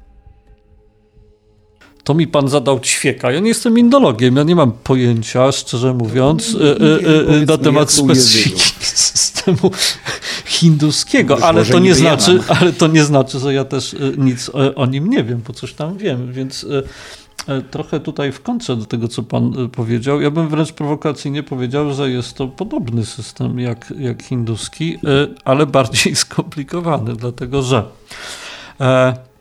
zakładając, że w systemie hinduskim człowiek po prostu się rodzi w jednej z kast y, i figa, no to w systemie jezyckim też. No, albo człowiek jest pirem, albo muridem, albo szejchem. Tylko tutaj zaczyna się kolejny problem. Dlatego, że poza urodzeniem e, i tak każdy jest muridem. Bo mnie zasadniczo chodziło mhm. o to i mhm. podejrzewam, że chociaż może się mylę, że mhm. to jest główne skojarzenie, jakie przywodzi większości Polaków, niespecjalistów na myśl wspomnienie indyjskiego systemu kastowego. Mianowicie, czy przynależność do określonej kasty wiąże się z prestiżem, z wyższą pozycją społeczną lub wręcz przeciwnie, czy może wiąże się ze społecznym upośledzeniem? To jest bardzo ciekawe. Y, i powiem panu, że nie potrafię nadal odpowiedzieć na to pytanie konkluzywnie, dlatego że tak, z jednej strony Jezydzi deklarują, że ich podział nie jest hierarchiczny, wszystkie kasty są równe. I obserwując ich, muszę przyznać, że oni faktycznie wszyscy się czują równi, że nie ma jakiegoś takiego wywyższania się. Z drugiej strony, można też zaobserwować takie momenty, kiedy pirowie i szejchowie są traktowani w sposób e, szczególny. Więc ten podział i jest i go nie ma troszeczkę. szczególny, czy to się wiąże z określonymi przywilejami, jakimiś Na przykład całuje, całuje się ich ręce, witając ich. Z namaszczeniem, okazuje im się szacunek, darzy się Tak, tak, tak, ale też jak mówię, nie zawsze, bo to, to Znowuż uwaga na marginesie. My troszeczkę wchodzimy, znaczy my, no ja, tak, bo, bo, bo pan mniej. Wchodzę w ten świat jezycki y, y, y, z bagażem, że tak powiem, logiki arystotelejskiej, systemu jakiegoś naukowego i myślenia jakiegoś określonego, urobionego przez metodologię nauk zachodnich i stykam się ze światem, który myśli w sposób inny. Znaczy, to jest rzecz w ogóle w antropologii opisana. Tak? Jezydzi nie kierują się taką logiką, jaką kieruje się, czy kierował się, y, y, y, czy zalecał kierować się Arystoteles. Więc nie zawsze można w sposób precyzyjny odpowiedzieć. Tak jak, tak. No więc nie ma u nich podziału hierarchicznego, ale zarazem jest. Tak? No łamiemy zasady logiki. Nie, że można odpowiedź zgodną z moimi tak. oczekiwaniami, ale może satysfakcjonująca i bliższa prawdy byłaby odpowiedź, że owszem, podział jest, ale nie, nawet jeżeli Mhm. hierarchiczny, to nie dokładnie taki jak to, co moglibyśmy sobie wyobrażać pod tym terminem. To już chyba lepsza odpowiedź. Dyplomatyczna. Tak, tak. E, natomiast e, e, chciałem coś jeszcze dodać i zastanawiam się, co mi aż tak uciekło, że tego nie, nie, nie, nie, nie, nie, odtworzę. Nie zaszkodzi, no może znajdziemy inny wątek. Aha, bo to się należy, e, że tak powiem, e, słuchaczowi. Zacząłem mówić o tym, że każdy jest pirem, chociaż, e, przepraszam, każdy jest muridem, chociaż nie każdy urodził się muridem. I to jest rzecz, którą trudno na początku zrozumieć. Więc raz jeszcze. Każdy rodzi się w jednej z kast. Albo pir, albo szejch, albo murid. Przy czym każdy z perspektywy religijnej jest muridem, czyli uczniem, co oznacza, że każdy jezyda, bez względu w której z kast się urodził, traktowany jest jako murid, czyli uczeń, który musi mieć swojego pira i szejcha. W efekcie każdy pir musi mieć pira i szejcha, każdy szejch musi mieć pira i szejcha i każdy murid musi mieć pira i szejcha. Tak jakby każdy musi mieć dwóch, nie wiem, księży czy psychoanalityków, To którzy się nim zajmują. Gwarantować w sensie systemowym, funkcjonalnym czy społecznie strukturalnym dużą spójność, bo każdy jest komuś potrzebny i to ma różne wektory. I co więcej, y, spójność gwarantowana też jest przez to, że y, szejch i pir nie za bardzo powinien zarabiać, natomiast powinien dostawać datki od muridów. W efekcie szejch i pir ma specyficzny status hierarchiczny, ale utrzymywany jest przez muridów, w związku z czym wszyscy wszystkich trzymają w szachu i jakoś ten system dzięki temu y, jest spójny. Wszyscy są wszystkim potrzebni i y, y, jakby z perspektywy teologicznej czy religijnej wszyscy się prowadzą y, y, ku absolutowi czy, czy, czy Bogu, czy jak to nazwiemy, bo jest to teokracja też trzeba dodać. Znaczy cała ta wspólnota ma cel niewątpliwie religijny i mistyczny. Pytanie oczywiście y, do czego to zmierza i co jest tym ostatecznym absolutem dla Jezydów. I to jest chyba moment, gdy właśnie przejdziemy już do kwestii związanych z wierzeniami jezydów sensu stricto. Tak mi się wydaje, przynajmniej mam nadzieję. E, No nie wiem, czy, czy, y, y, powiedzieliśmy. czy, czy, słuchacz y, y, tak bardzo czeka na ten wątek, czy można go jeszcze podręczyć? No dobre pytanie, bo podejrzewam, że ci, którzy słuchają nas od początku pewnie, a przynajmniej mam nadzieję, z wypiekami na twarzy czekają na rozwinięcie wątku rzekomego szatana czczonego przez jezydów. Przepraszam, że tak się na tym zafiksowałem, ale... To będę odpowiadał tak nie wprost, a trochę, a trochę wprost.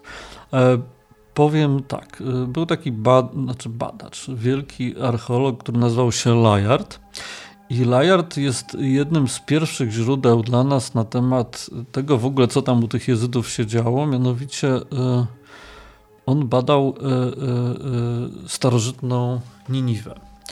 Ale przy okazji, y, y, odkopując resztki Niniwy, jeździł sobie po okolicy, natknął się na Jezydów i od niego mamy relacje na temat tego, co tam się działo. Między innymi pisze nam o tym, że y, Jezydzi mają zakaz posługiwaniem się słowem szatan, że jest to absolutne tabu. Nie wolno tego słowa wymawiać.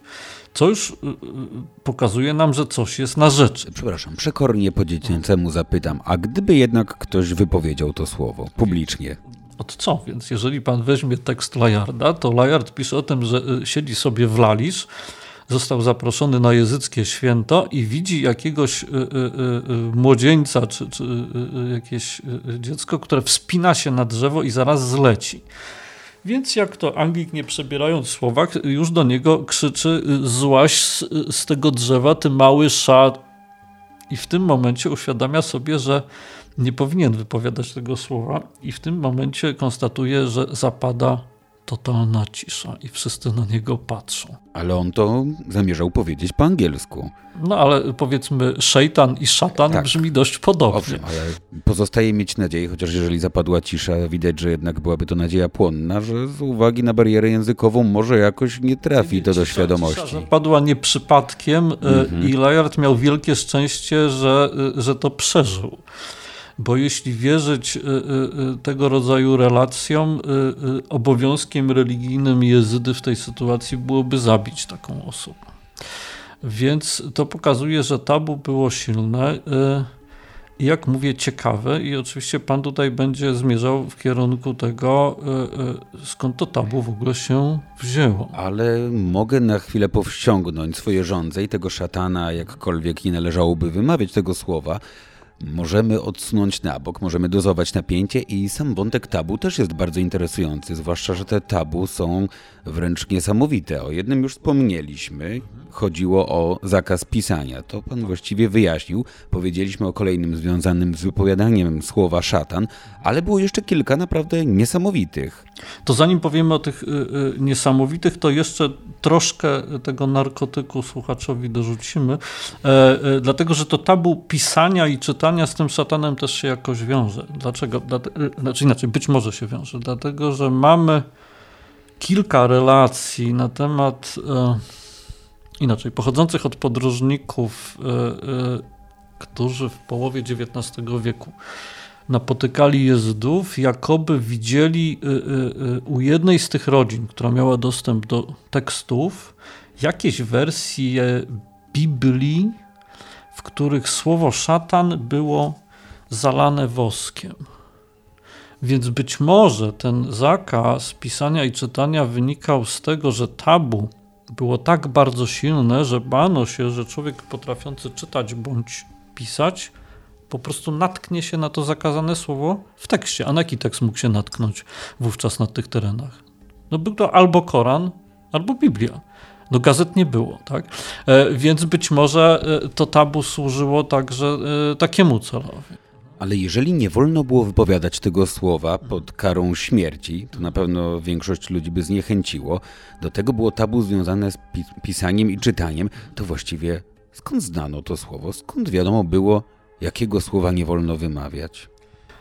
No bo jeśli ktoś e, nam morduje rodzinę i, e, e, i, cały czas twierdzi, że jesteśmy satanistami, no to słyszymy to słowo od innych. Aha, prześladowania były na tyle intensywne, że właściwie było sporo okazji, żeby je usłyszeć. Tak, tak, tak, tak, tak, tak. I chociażby to święte miejsce Jezydów, czyli Dolina Lalisz, była obiektem wielu, wielu najazdów muzułmańskich, palenia, rozwalania budynków i tak. Więc można to było słyszeć też, też stamtąd, ale tak jak pan powiedział, dozujmy i przejdźmy do tych innych zakazów. No właśnie, to ja sobie pozwolę odwołać się do tego, co tu mam w notatkach.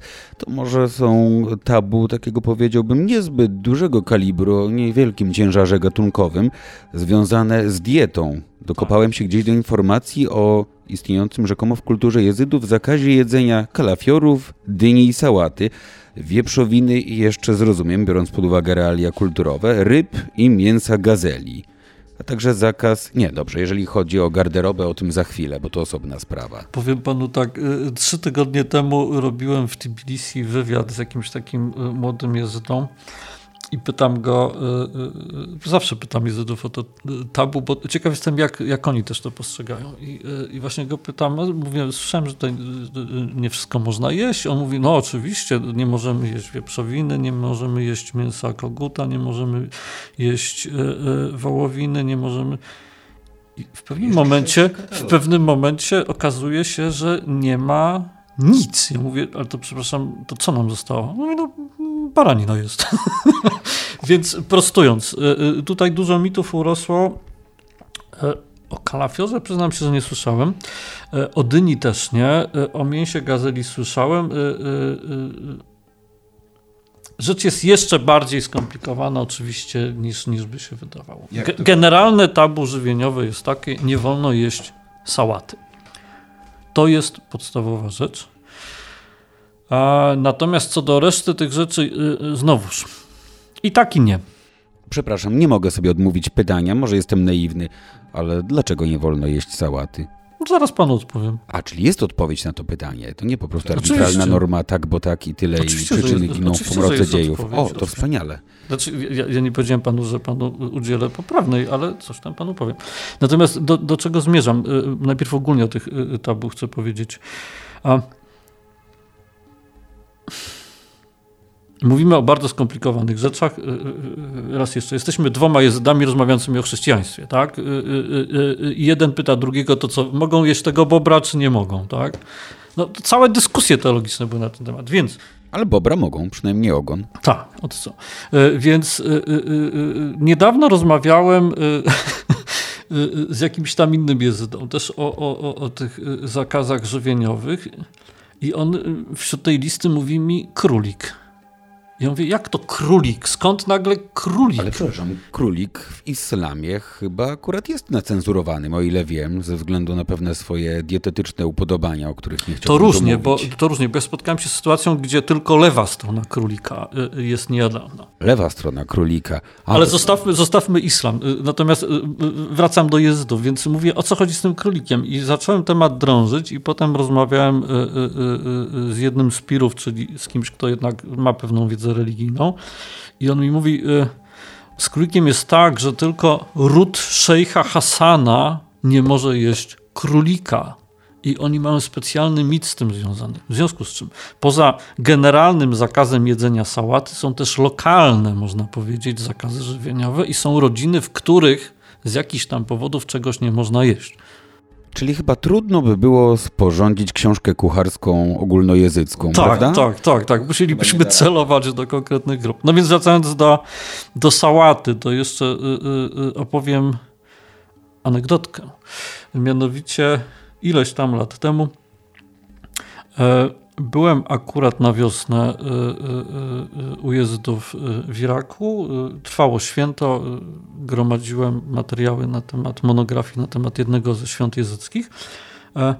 I mój przyjaciel Jezyda y, mówi: Słuchaj, muszę cię gdzieś zabrać. No więc y, wsiedliśmy w samochód. Y, to były czasy, kiedy państwo islamskie wojowało, więc nie było specjalnie bezpiecznie. No w każdym razie wsiedliśmy w samochód, zmrok zapadł i jedziemy przez pustynię, noc straszna, i on gdzieś mnie wiezie. E, ufam człowiekowi, że e, mnie gdzieś nie wyda, ale tym niemniej czuję niepokój, bo jest straszliwie tajemniczy i nie wiem, co chce mi pokazać. Mógł pan być spokojny, na pewno nie wiózł pana na sałatę. Jechaliśmy na sałatę. O, a jednak. A jednak. Przyjechaliśmy do wioski chrześcijańskiej. Podjechaliśmy pod malutki jakiś taki bar i on mówi, czekaj tutaj zgasił światło. Jeszcze wtedy nie wiedziałem, że przyjechaliśmy na sałatę oczywiście.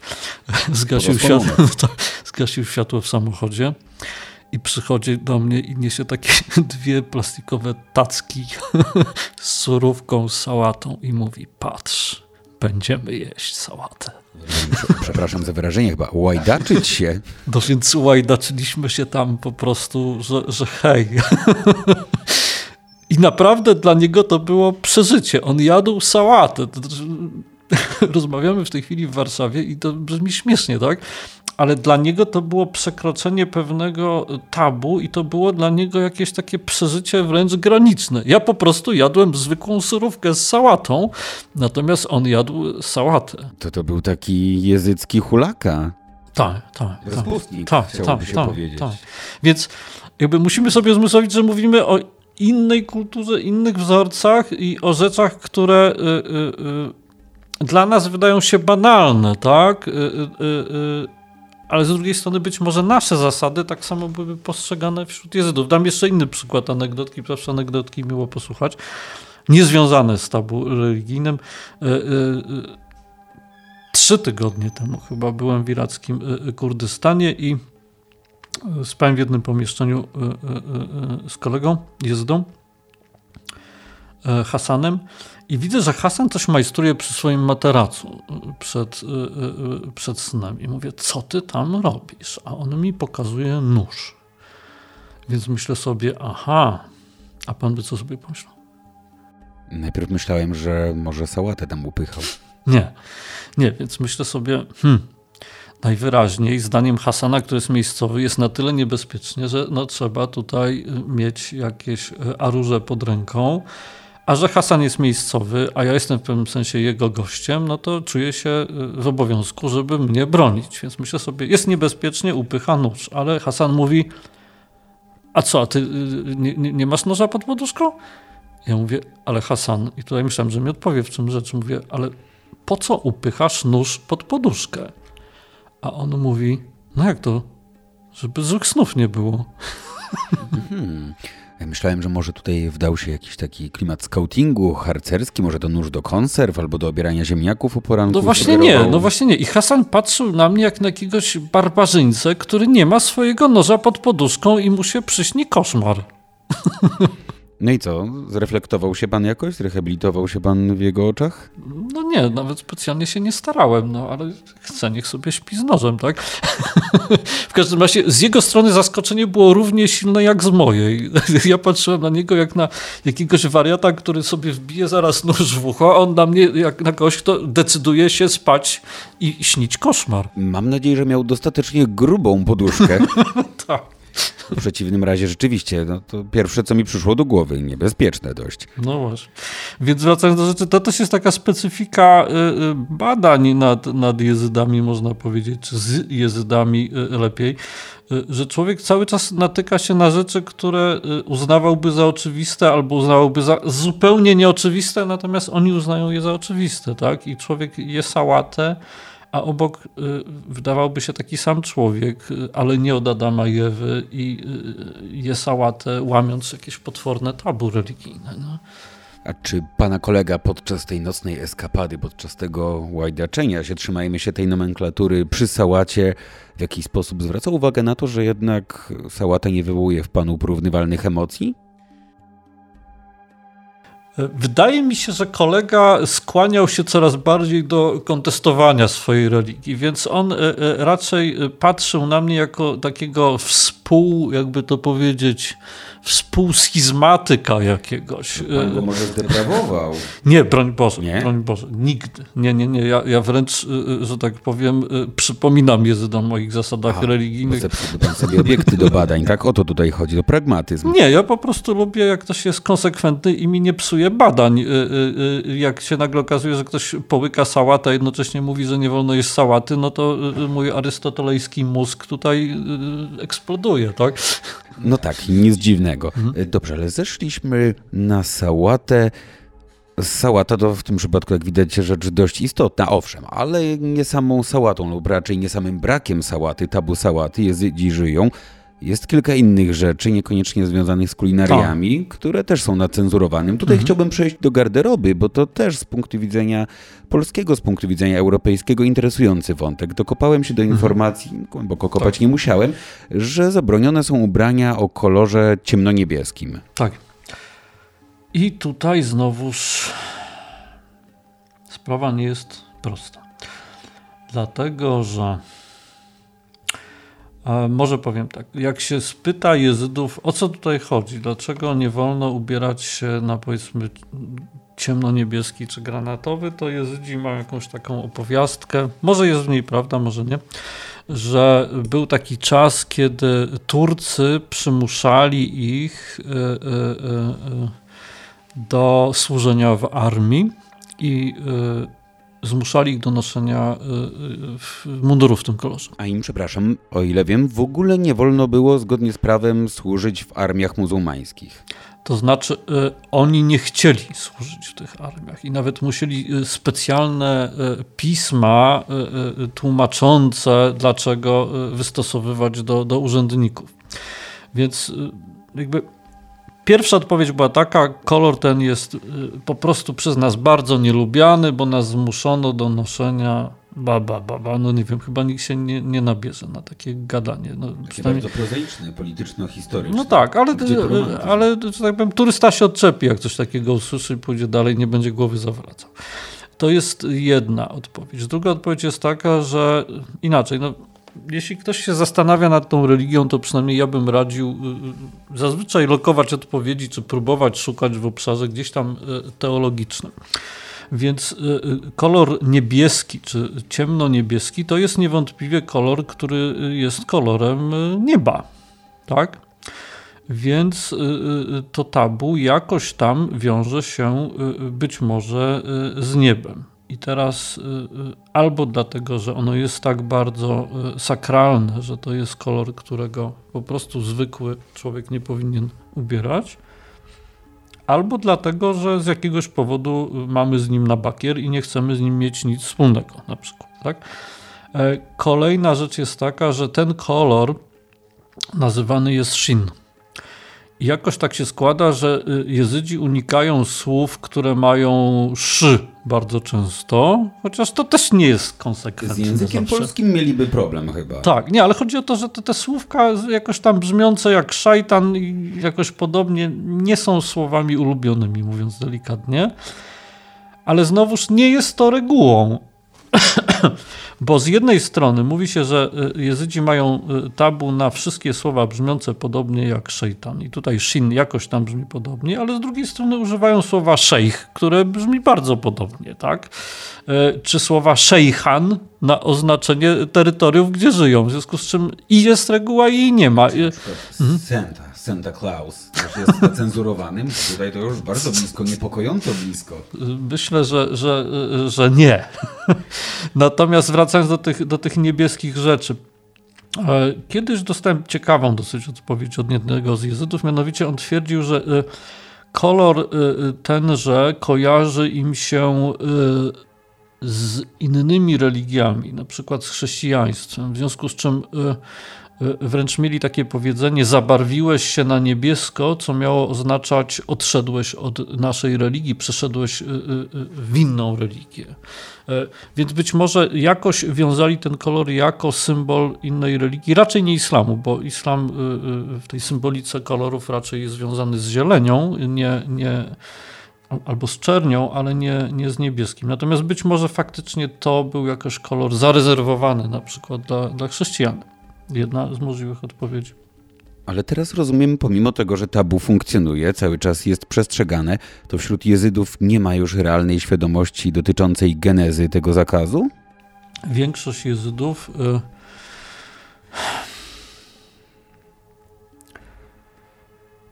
Nie, nie mogę tak powiedzieć, bo nie znam większości jezydów, ale tak, w mojej opinii większość jezydów y, nie ma pojęcia o swojej religii. E, I też chcę być dobrze zrozumiany, to nie jest jakoś e, e, ocenne i nie jest, nie wiem czy to jest krzywdzące czy nie, ale jest to fakt.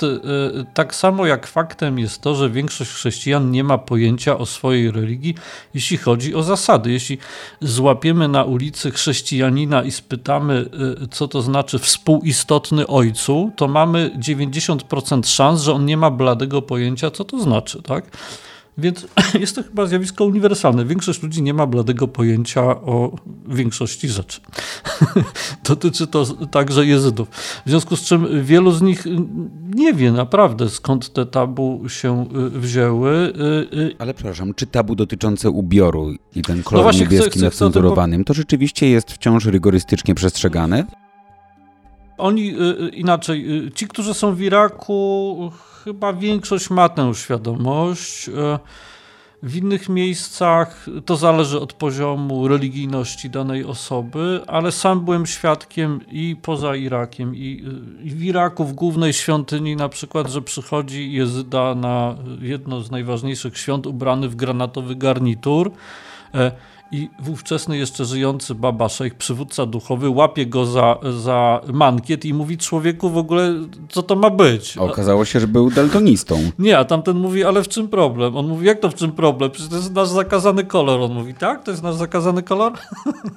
Więc... Ale to wynikało z niewiedzy, czy może rzeczywiście żarty żartami a propos Nie, daltonizmu? nie, myślę, myślę, że, myślę że, że z niewiedzy. I naprawdę, o, robi wrażenie. Y, y, y, ślubów jezyckich, gdzie pan młody po prostu bach w granatowym garniturze to, że wszystko ma w nosie, y, to wynika z takiej, no, z tego samego, co jest w chrześcijaństwie i wszędzie, z olewki generalnej, tak? Dżinsy są tanie, są y, y, niebieskie, wszyscy je noszą i mają to w nosie, a ludzie starzy się przejmują jakimiś tam zasadami, więc to No ale na ślubie oprócz zasada. pana młodego było zapewne bardzo wielu gości, bo o ile pan młody mógł się wykazać taką dezynwolturą, no to spodziewałbym się dość gwałtownej reakcji ze strony wszystkich zgromadzonych. No właśnie nie, właśnie nie, to znaczy młodsze pokolenie odpuszcza równo, zasadę po zasadzie. Inny przykład, o to tabu pan nie pytał. E, e, Jezydzi e, nie powinni, mówią o mężczyznach, nie powinni golić wąsów.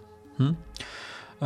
powinni mieć zarost na twarzy. Jeżeli są duchownymi, powinni też mieć brodę. Ale powiedzmy, że zwykły jezyda, nieduchowna osoba powinien mieć wąsy i nie powinien ich strzyc. Coraz częściej widać jezydów, którzy wąsów nie mają. Normalnie je, je golą. Nawet rozmawiałem z jednym człowiekiem, który wyjechał z matecznika, można powiedzieć, z Iraku, e, przeniósł się do Europy i bardzo długo te wąsy nosił, przekonany, że nie wolno tego tabu złamać. E, e, po latach wrócił do swojej wioski i zobaczył, że wszyscy jego kumple już są ogoleni. A on cały czas z wąsami. Moda no, się zmieniła, a on tak, taki anachroniczny. Tak, tak. No więc ta religia, ona yy, się kończy. Tak pan uważa? Rzeczywiście na to wygląda?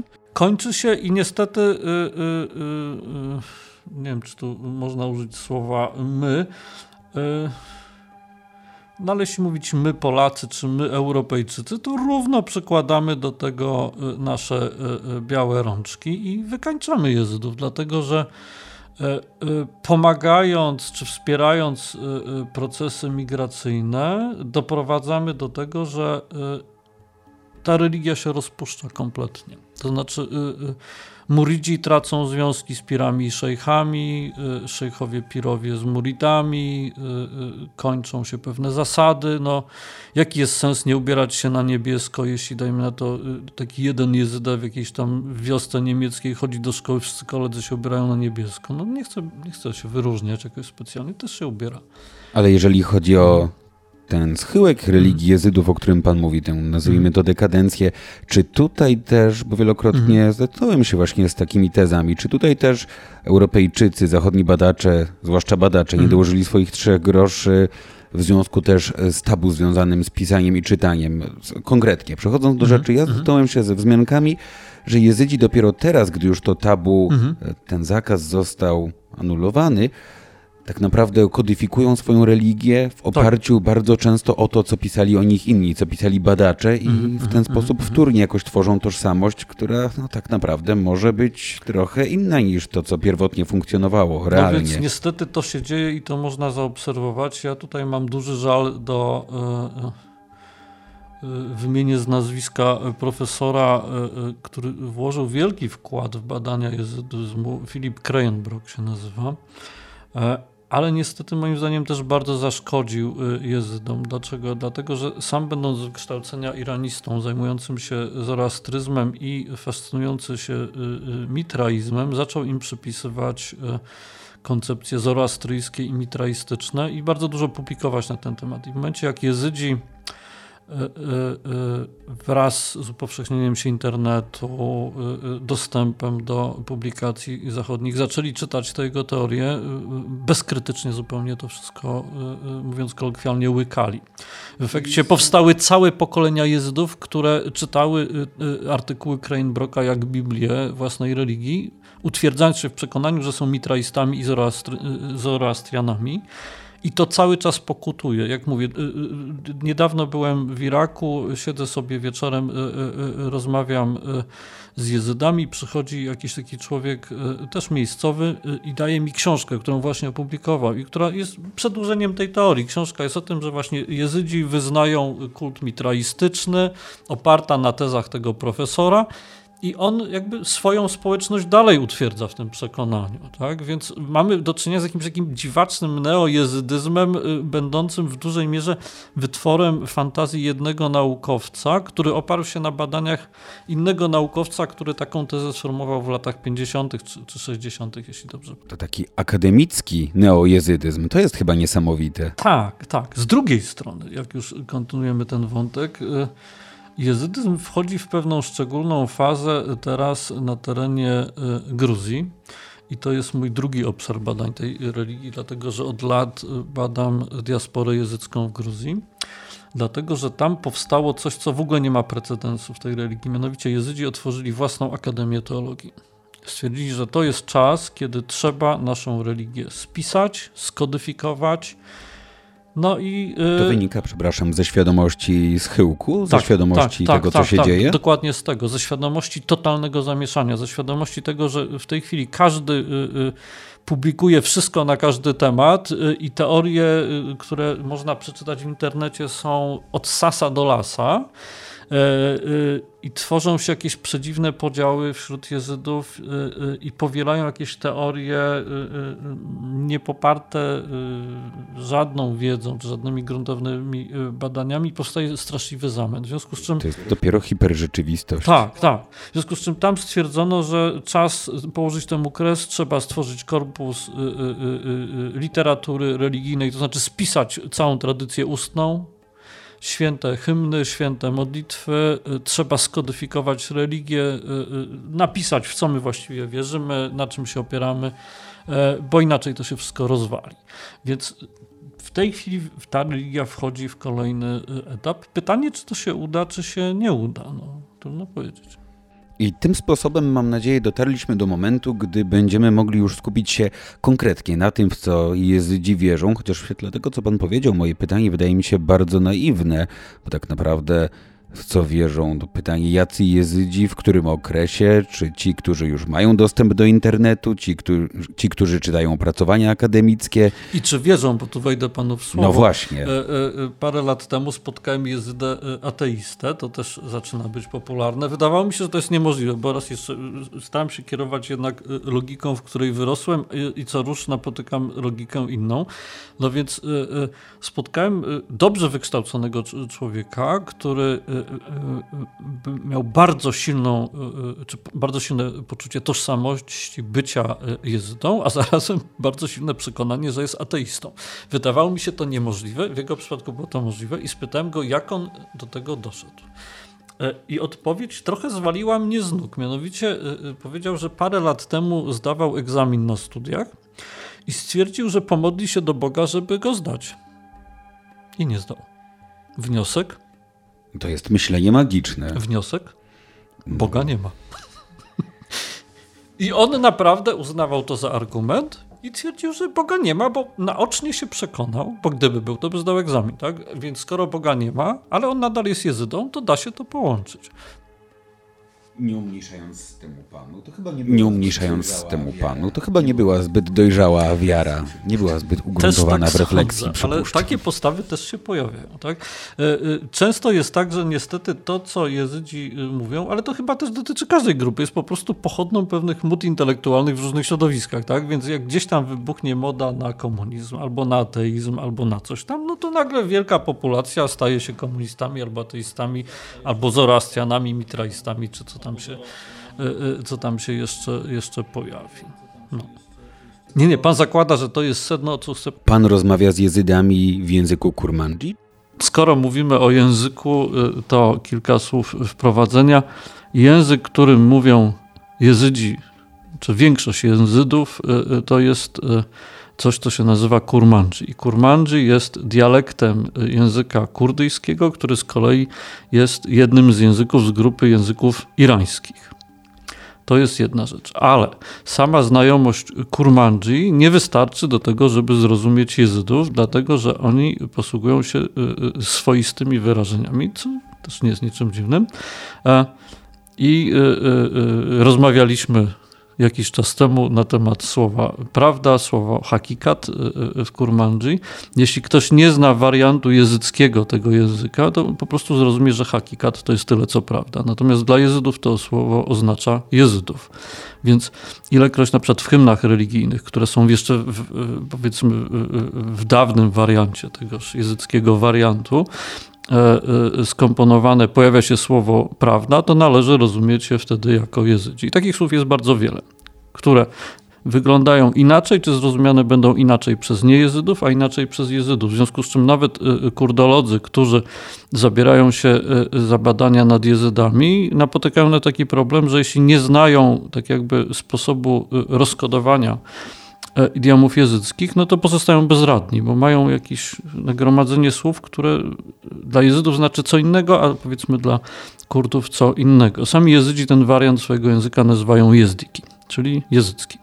E, nie jest to inny język, ale jest to niewątpliwie coś bardzo swoistego rodzaju, no nie wiem, narzeczenie, nie jestem filologiem.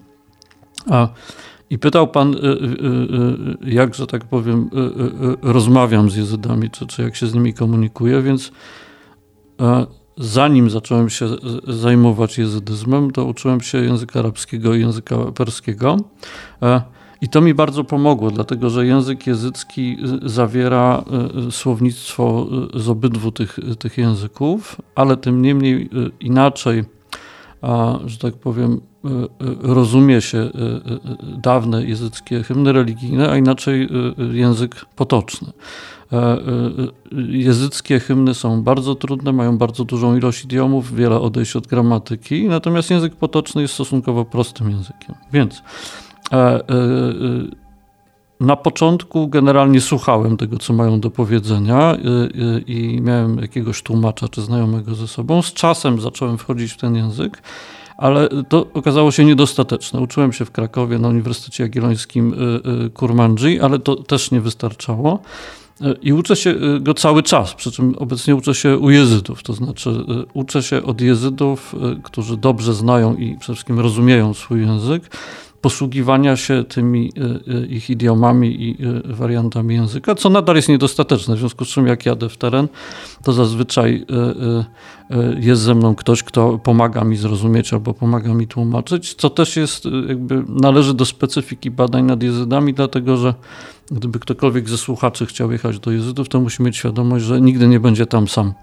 E, zawsze e, e, jest się z polecenia kogoś, albo jest się z przyjaciółmi, albo ze znajomymi, w związku z czym de facto nigdy się nie przeprowadza wywiadu jeden na jeden, tylko zawsze jest to jakaś grupa ludzi, ktoś tam coś dopowie, ktoś pomoże zrozumieć, ktoś pomoże przetłumaczyć, więc jest to dosyć, powiedziałbym, jest to inny proces przeprowadzania wywiadu niż na przykład y, y, nasza rozmowa teraz, gdzie siedzimy sobie w izolacji kompletnej i to jest pewna, pewna formuła czy, czy kanon robienia wywiadu na zachodzie, natomiast tam siedzi się w domu, czy siedzi się na podwórku, czy podczas jakiejś uroczystości siedzi kilkanaście czy kilka, kilka osób i wszyscy rozmawiają jednocześnie. E, e, e, właśnie w tym dialekcie kurmandzi, jeżeli jest to Kurdystan, natomiast na przykład jeśli chodzi o specyfikę Kaukazu Południowego, to tam przede wszystkim językiem jezydów jest y, język rosyjski.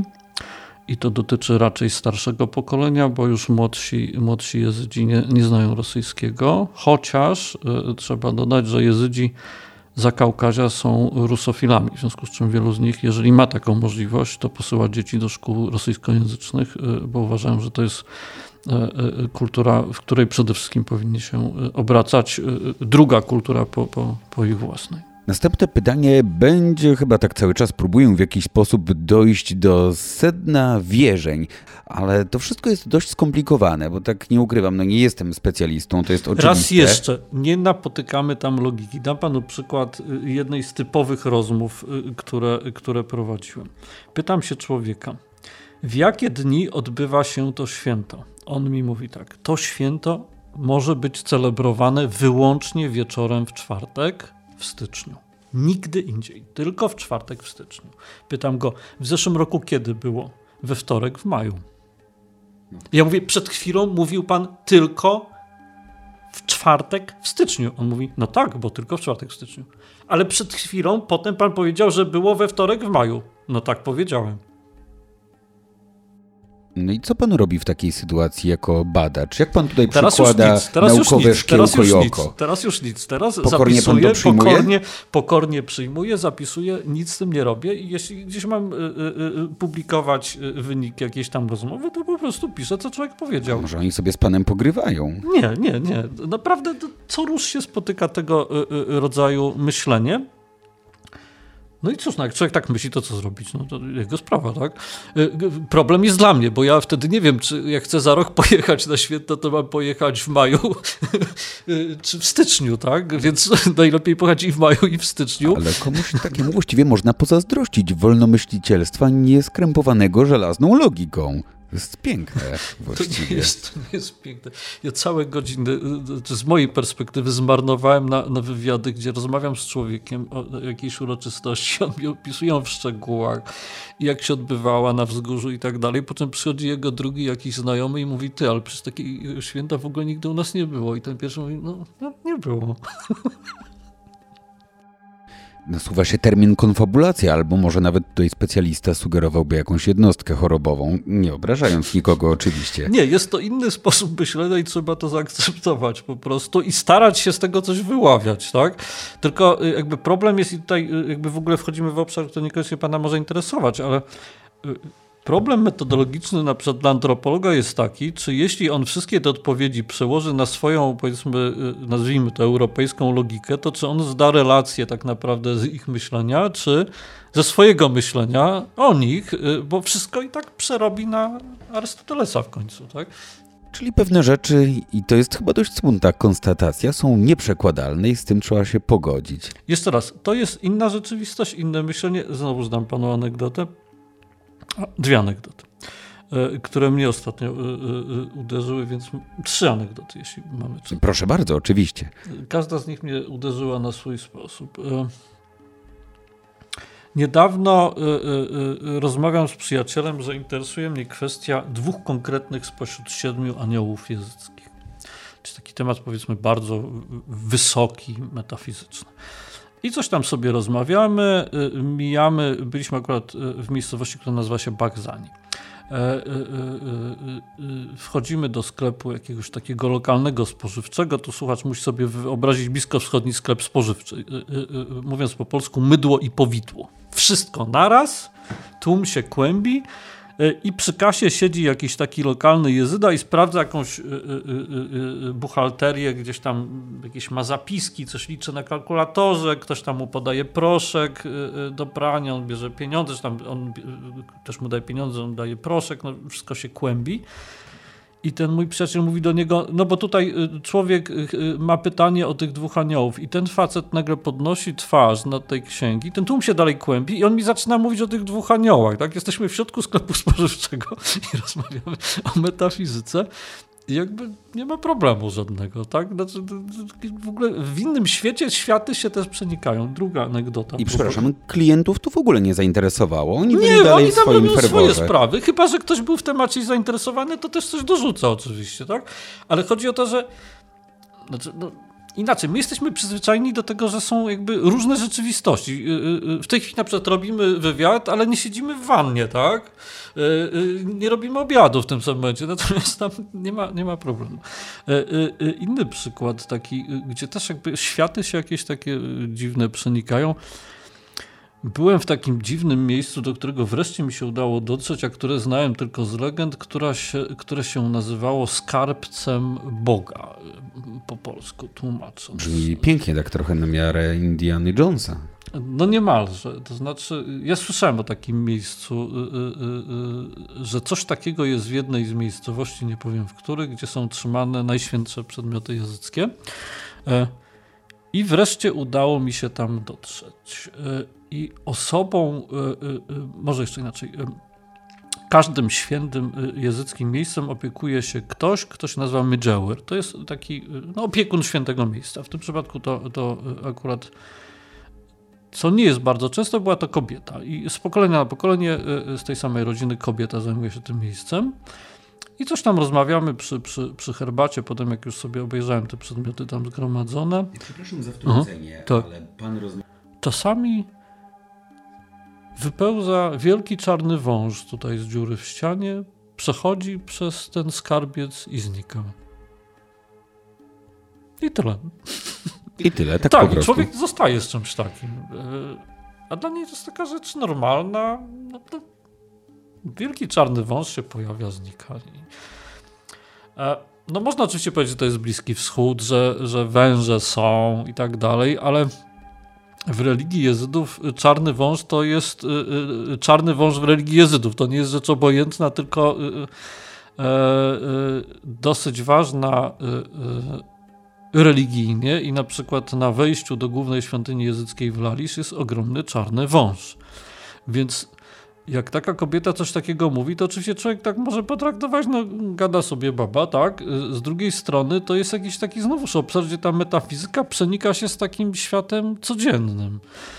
Y, I trzecia anegdota, którą panu miałem powiedzieć, ta mnie kompletnie zbiła y, y, z pantałyku, mianowicie rozmawiałem z jednym z tak zwanych kałalów, czyli ludzi, którzy są odpowiedzialni za hymny religijne, za ich śpiewanie, przekaz, uczenie tych hymnów.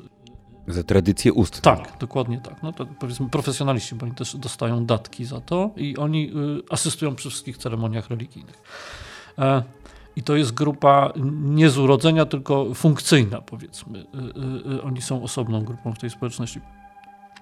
I to był taki moment, kiedy mnie bardzo interesował konkretny element teologii i mitologii jezyckiej, a zwłaszcza e, taki mit, wedle którego na początku powstania świata, czy powstawania świata, Bóg krzyknął do perły, z której miał się wyłonić świat, e, pewne słowa.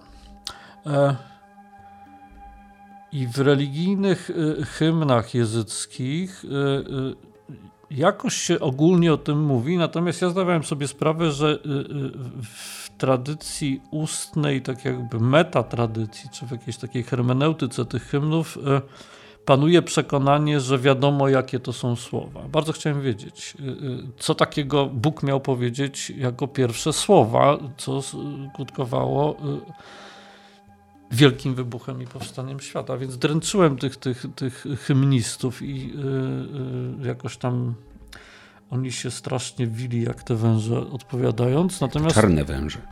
Jak te czarne, tak. Natomiast ten jeden był, y, był naprawdę y, niezły, bo on mówi tak, no co ja ci tu będę y, kolokwialnie mówiąc ściemniał. No nie mogę ci teraz powiedzieć jak to jest, natomiast też nie jest tak, że ci nie powiem.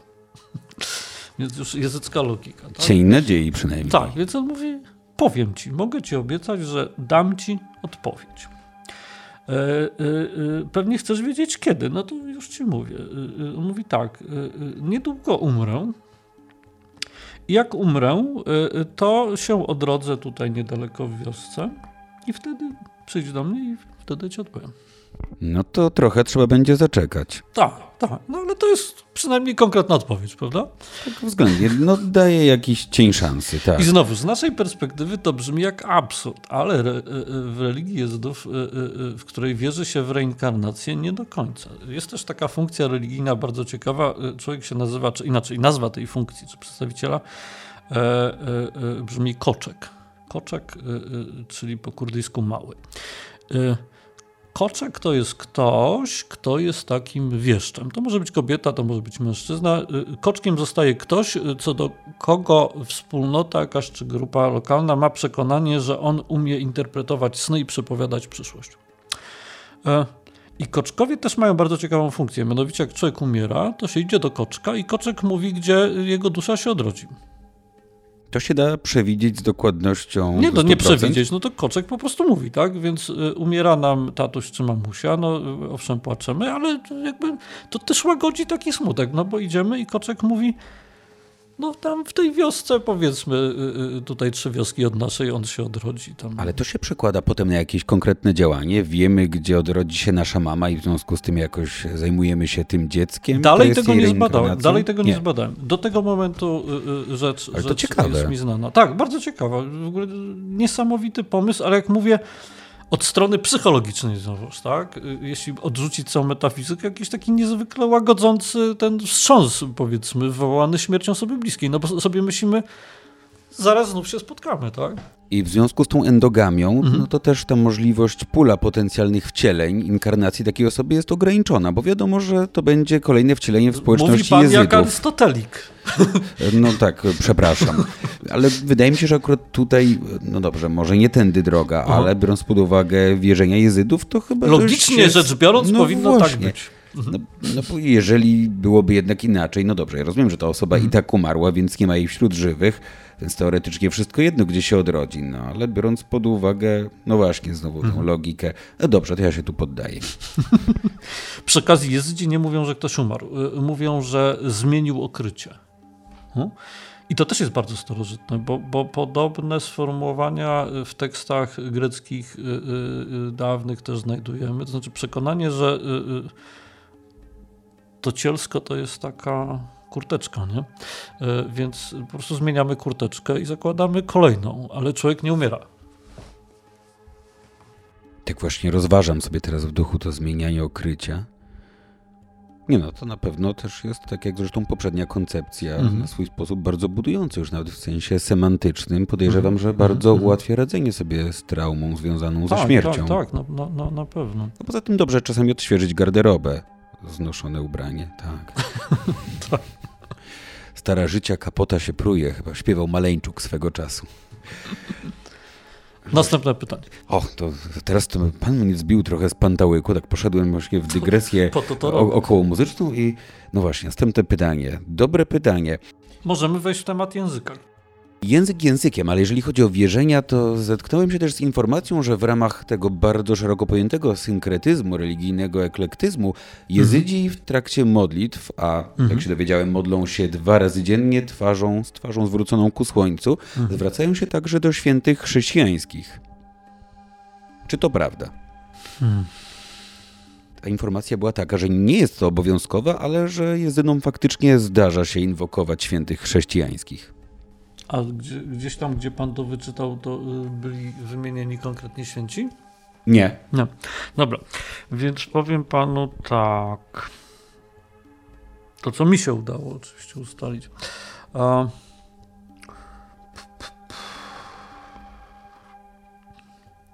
Się, trzeba mieć na uwadze słuchacza, tak? Y, y, I jego wytrzymałość, ale Przede też, wszystkim.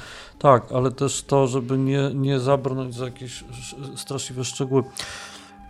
Jest faktem, że na przykład y, wielcy mistycy chrześcijańscy z regionu, dwóch mam zwłaszcza na myśli, nie wiem czy to komuś coś powie, jeden się nazywał Rabban Hormus, a drugi Marbe Bechnam, są też czczeni przez jezytów. E, co do Rabbana Hormuzda, e, to e, wierzą, że on był jedną z inkarnacji Bożej istoty, której, która się ujawniła w jednym z aniołów i której późnymi, późniejszymi inkarnacjami są jezycy przywódcy duchowni. Więc faktycznie jest tak, że przynajmniej ten jeden mistyk chrześcijański jest czczony. W drugim przypadku jest taka postać, która przez chrześcijan jest czasami utożsamiana ze świętym Jerzym. Tym od smoka? A, no i znowuż pan komplikuje sprawę. Przepraszam, no. dobrze. Nie było żadnych dygresji herpetologicznych. Spotkałem się kiedyś e, e, z, z, taką teorią, że podobno w Gruzji Jezydzi nie nazywają swoich dzieci Jerzymi właśnie z tego względu, no bo tam... Kolejny tabu.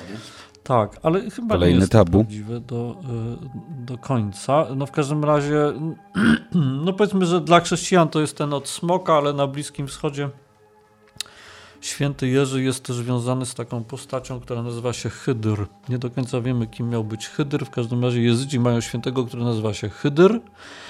E, I z jakichś powodów jeden z jego przypuszczalnych grobowców lokują w miejscu, gdzie leży e, e, chrześcijański święty i też tam pielgrzymują. W związku z czym przynajmniej dwa przypadki bardzo konkretne potrafimy wskazać kultu, który jest wspólny i dla jezydów, i dla chrześcijan. Ale zakładam, że pan pyta o pierwszą ligę, a nie o. Raczej tak. Powiedzmy, graczy drugoplanowych. E, Jezus jest postacią ważną. E, oczywiście tak chrześcijan on jest e, Bogiem, ale też można powiedzieć, że jest świętym, bo Bóg jest chyba największą ze świętości. Więc w tradycji ustnej i w hymnach jezyckich pojawia się postać Isy, Isa, czyli Jezus więc faktycznie jest on y, y, ważny. Natomiast jak się rozmawia z jezydami, to zazwyczaj oni sprawę przedstawiają tak, y, chrześcijanie tutaj wszystko namącili, w ogóle napisali nie tak jak trzeba e, e, na temat Jezusa, no przecież on takich rzeczy na temat szatana nie mógł opowiadać. Więc czy można takie wypowiedzi znaleźć? Więc pytanie, na ile te postaci są tożsame, bo jeśli ktoś twierdzi, że dajmy na to święci chrześcijańscy są przez chrześcijan pozmieniani, y, mówiąc jakoś tak oględnie, y, i się ich czci, no to de facto to już są trochę inni święci niż, niż chrześcijańscy. Znaczy imiona zostają, ale składnik jest y, trochę inny. No tak, a jeżeli chodzi, może tak zabrzmi, tak bym usilnie szukał analogii do chrześcijaństwa, ale też zetknąłem się z informacją o swoistej trójcy, na którą składają się szejk, anioł i sułtan. Czy to rzeczywiście przyjmuje taką formę? Można tutaj szukać Teraz takiej tak, analogii? Znaczy, chwila, chwila, chwila. Tutaj y, znowuż kilka rzeczy trzeba dodać. Pomysł na to, że jest trójca, to w ogóle jest starszy niż, niż, niż chrześcijaństwo, bo chociażby w pitagoreizmie mamy koncepcję jakiejś takiej pierwotnej triady, z której powstał świat, więc wiele religii ma swoją triadę. Tak? W chrześcijaństwie to jest Ojciec, y, Syn y, y, i Duch Święty. Natomiast w jezydyzmie też jest triada. Pytanie brzmi, i to jest pytanie oczywiście do mnie, bo ja tu się naukowo tym zajmuję, czy to mogło zostać wzięte z chrześcijaństwa? Nie mam pojęcia. Być może jakoś Jezydzi się na tym wzorowali. Nie wiem, czy im zależało na tym, żeby to akurat było trzy. Może tak po prostu wyszło. Faktycznie jest tak, że trzy główne postaci kultu religijnego czy teologii jezyckiej to jest coś, co się nazywa, czy ktoś, kogo się nazywa Sultan Jezid, Shihadi, czyli Sheikh Adi i Tavusi Melek, czyli anioł Paw i jezydzi mówią Sultan Jezid, Shihadi, Tavusi Melek, Jeken, czyli tłumacząc na polski y, y, pierwszy, drugi, trzeci są jednym, czyli zarazem zakładają, że Ojku, mówiąc chrześcijańską terminologią, że y, oni są współistotni, ale Jezydzi nie używają określenia współistotni, mówią, że są po prostu jednym. No to jeżeli tę kwestię mamy powiedzieć za sobą, to byłoby zdecydowanie nadużycie, ale dobrze, powiedzmy, że na tym etapie tyle nam wystarczy, a przynajmniej mnie wystarczy, być może osobom, które nas teraz słuchają, ale idąc dalej, jeżeli chodzi o wierzenia, spotkałem się z jednej strony z interpretacją, trochę to też jest może moja interpretacja, może trochę nadużywam, ale abstrahując od postaci siedmiu aniołów, o których mam nadzieję zaraz sobie powiemy, Melek Taus tu już został wspomniany, przepraszam, jeżeli źle wymówiłem, ale zmierzając do meritum, wydaje mi się... I to zanim pan zmierzy tak? do meritum. To też jest ciekawa rzecz, jak już jesteśmy przy, przy słówkach. Y, znowuż mam wątpliwość, na ile my tutaj y, prowadzimy dyskurs akademicki, a na ile ta y, rozmowa ma być stosunkowo popularna, powiedzmy. Nie, nie każdego słuchacza interesują te szczegóły. Jest faktem, że w większości przypadków jezydzi używają y, formuły y, y, czy formy tawusi melek. Nie tej, którą Pan użył. Ta pojawia się najczęściej w tekstach niejezyckich zachodnich. Jakoś tak Stamtąd jest, ją wziąłem właśnie. Jakoś jest tak powtarzana. Tylko też trudno powiedzieć, że to jest błąd. I i w ogóle co to znaczy? To też nie jest proste y, y, tak naprawdę, dlatego że y, to Tawus i Melek bywa zazwyczaj tłumaczone jako anioł paw. Ale czasami używają Jezydzi określenia Tawus al-Malajka, to znaczy paw aniołów. I znowuż jest określeniem, które jest które pojawia się w dawnych tekstach muzułmańskich y, i jest to określenie y, y, no powiedzmy niedobrego anioła. Tak eufemistycznie tak, nazywając. Tak, tak eufemistycznie mówiąc, oczywiście niedobrego z perspektywy muzułmanów. Więc tutaj trzeba bardzo uważać, jak się nazywa tę postać. Nie w tym sensie, że, że, żeby zaszkodzić czy nie zaszkodzić Jezydom, tylko y, y, tak naprawdę nie do końca y, łatwo powiedzieć, która forma jest poprawna czy poprawniejsza. Różne formy można napotkać. Zazwyczaj Jezydzi tłumaczą to jako anioł paw, i najczęściej, jeśli sami piszą albo wypowiadają, to ta forma y, brzmi tawus i melek. Co nie znaczy, że wszystkie pozostałe są niepoprawne, bo też się pojawiają.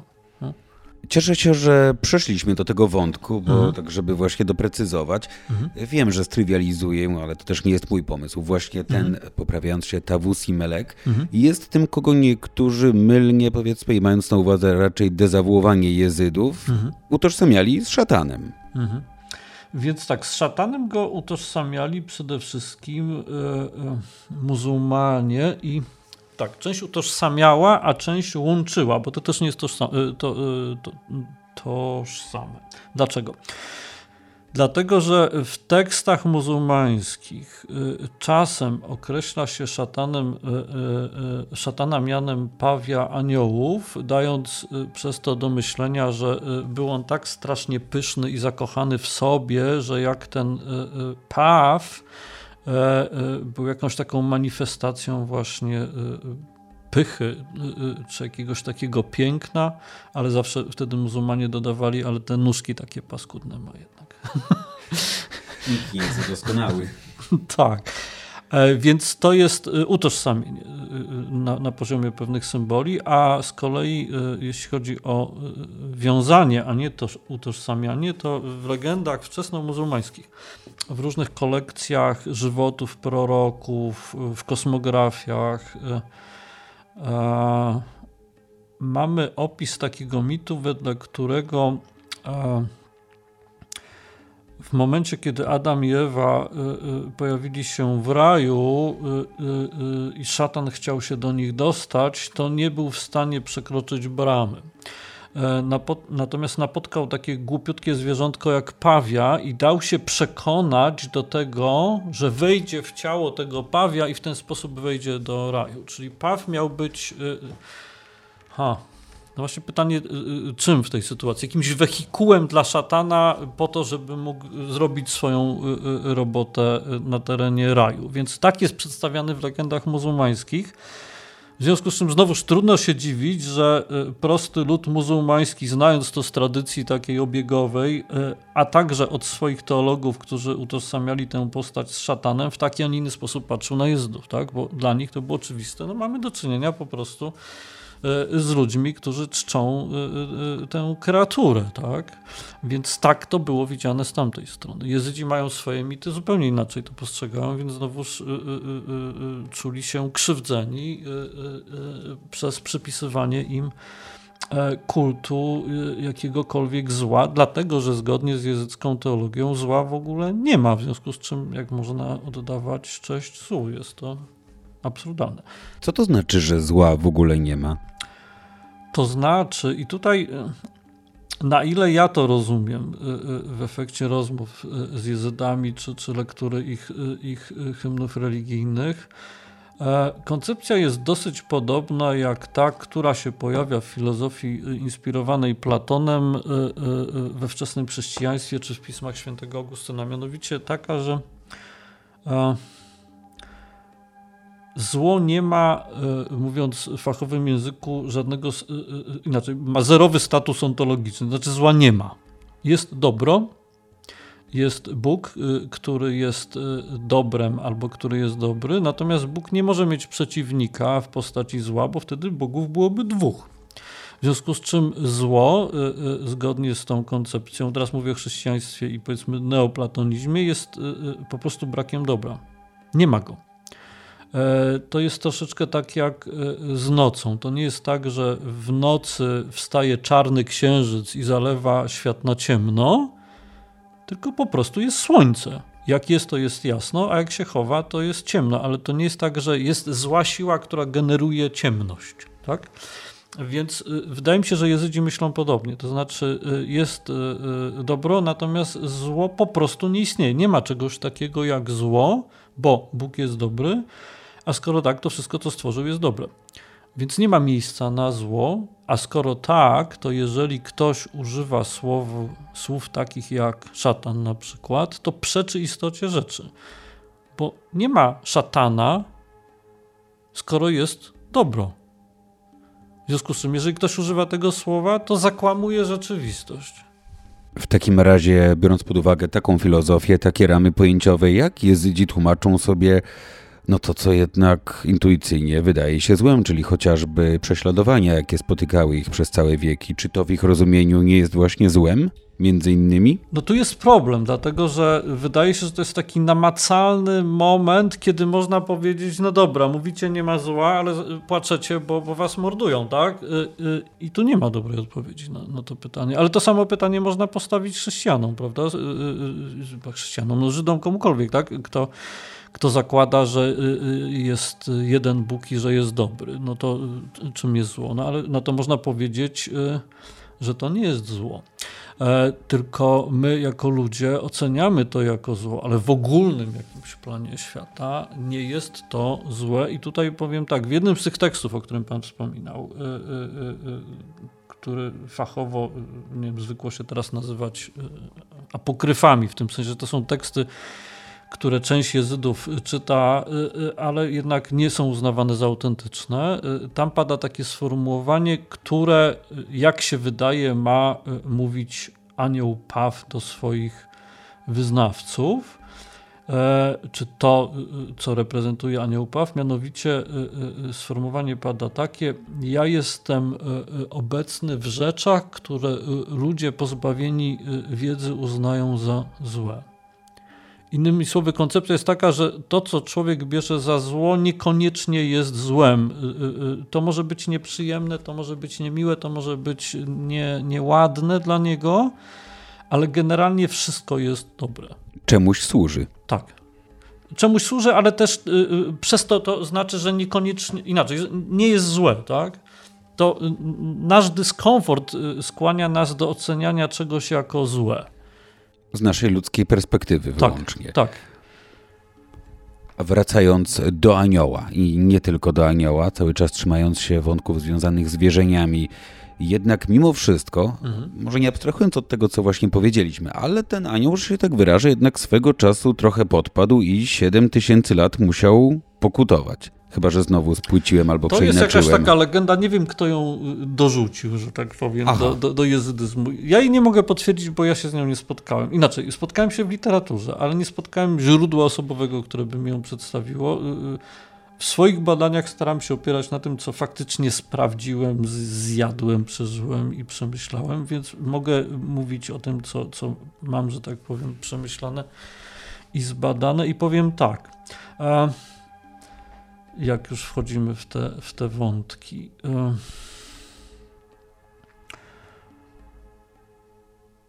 mówiłem panu o Lajardzie i o tym chłopcu na drzewie. E, I o słowie, które miał wypowiedzieć, co skutkowało tym, że tam mało go nie zjedzono. Na szczęście książę Jezydów go tam uratował przed, przed linczem. I wydawało mi się y, długo, że to jest przesadzone troszeczkę, ale y, faktycznie byłem świadkiem y, parokrotnie tego, że Jezydzi dziwnie reagują na słowo, znaczy dziwnie, złe sformułowanie, że reagują radykalnie na słowo szatan. Raz robiłem wywiad y, y, z duchownym jezyckim y, i celowo w tą stronę prowadziłem dyskusję bardzo ciekaw byłem, jak on będzie odpowiadał. Sam tego słowa nie używałem, żeby go wysądować, ale było ewidentne, że on robi wszystko, żeby tego słowa nie użyć, więc nasza rozmowa była na takiej zasadzie ta osoba, ten ktoś, coś tam, wszystko naokoło. E, I niedawno byłem świadkiem reakcji bezpośredniej. Mianowicie robię wywiad z jednym jezydą, koło mnie siedzi inny jezyda. E, to było w Tbilisi, rozmawiamy e, sobie po, po rosyjsku i w pewnym momencie ten pierwszy jezyda używa słowa szatan. Na co tamten drugi krzyczy. Skacze na krześle, krzyczy i wrzeszczy na tamtego, co ty robisz? Więc byłem świadkiem y, tego, że to faktycznie działa. Aż takiej reakcji wcześniej nie, nie spotkałem, y, y, więc tabu jest, jest bardzo silne, ale do czego zmierzam? Że tak jak wiele zakazów religijnych znika na naszych oczach, wymiera, religia się ewidentnie kończy, tak to tabu też zaczyna znikać i można już znaleźć publikacje jezydów, którzy tego słowa używają chociażby zmarły y, y, Pir Hedir y, Sileman, o którym mówiłem, opublikował książkę, gdzie pisze, to jest cytat po polsku z tej książki, e, anioł, którego czcimy, jest tym, które, którego inne religie uznają za szatana. Tak? Więc jeżeli Jezyda pisze coś takiego, no to to już, że tak powiem, pewne, y, y, pewne y, granice zostały przełamane. Teraz pytanie brzmi, czy on tak pisze, bo tak jest, czy on tak pisze, bo tak y, y, y, sobie wyczytał w publikacjach zachodnich naukowców. Znał, że skoro tak o nich napisano, no to chyba tak jest. No właśnie. Czy znowuż za tym zdaniem kryje się taka myśl, że my coś tam sobie czcimy, a inni uważają to za szatana i dlatego nas prześladują. Jakby tu znowuż można to różnie interpretować, tak? E, co do, co do meritum, to wydaje mi się, że Znowuż trzeba sięgnąć do postaci, o której mówiłem wcześniej, czyli o y, mistyku muzułmańskim, który się nazywał y, y, Mansur al-Hallaj, który przynajmniej moim zdaniem troszkę tutaj namącił i w islamie, ale też chyba jezydzi poszli jego, jego ścieżką. Więc jeśli pan mnie spyta, co on takiego zrobił, to ja chętnie panu odpowiem. A co takiego zrobił? Chętnie panu odpowiem. Więc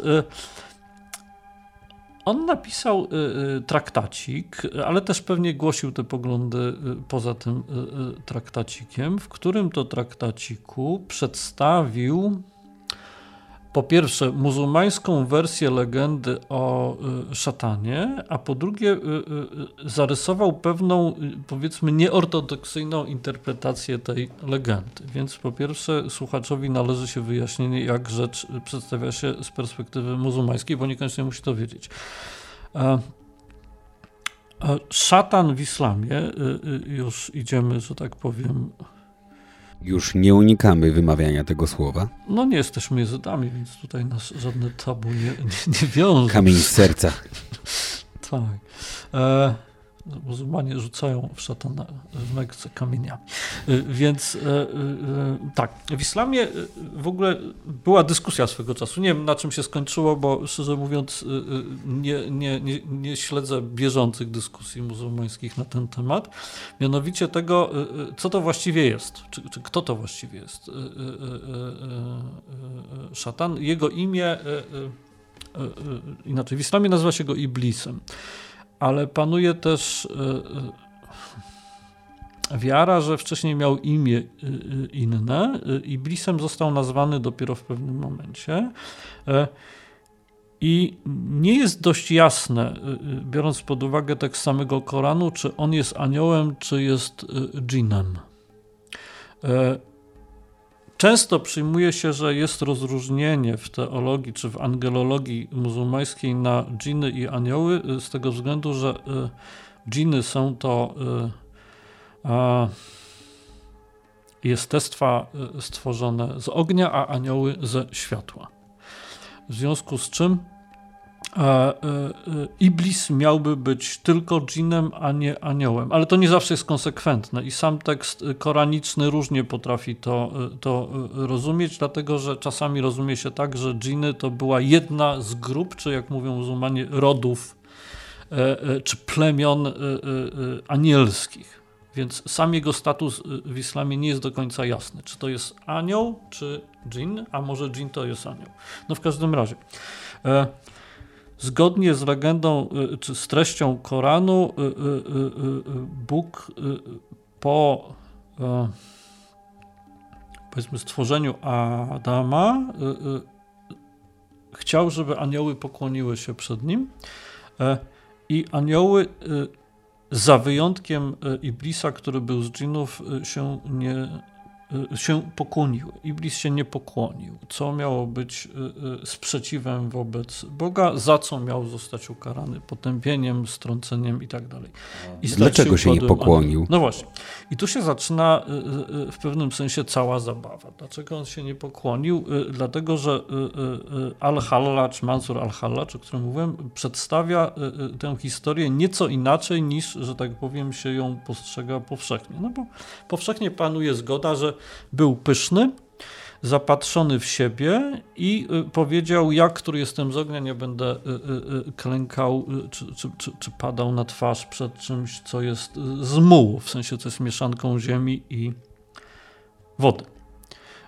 Metafizycznie to jest w ogóle bardzo ciekawe, bo zwróćmy uwagę, że tutaj jest cały czas gra podstawowymi elementami, to znaczy woda, ogień, i ziemia. Jeszcze powietrze jest obok tego. To I... jakieś zoroastryjskie reminiscencje? Kto wie? Nie, ja, bym to jakiegoś pitagoreizmu się najchętniej doszukiwał. No w każdym razie element ognia mówi, że będąc wyższy z natury nie będzie schodził na ziemię w pewnym sensie, tak? Więc jakby w tej całej bajce tam jest o wiele więcej niż, niż by się wydawało. Ale wracając tutaj do Al-Halladża, co, co, co, co, co pisze Al-Halladż, mianowicie pisze, że szatan, inaczej, że Azazel, bo tak się nazywał, postąpił w ten sposób, dlatego że był najbardziej pobożny i nie chciał kłaniać się przed niczym poza Bogiem. Innymi słowy, Harlacz przerobił to w ten sposób, że akt, który powiedzmy ortodoksyjny islam uznał za akt pychy i sprzeciwu wobec Boga, uznał za dowód pobożności Iblisa.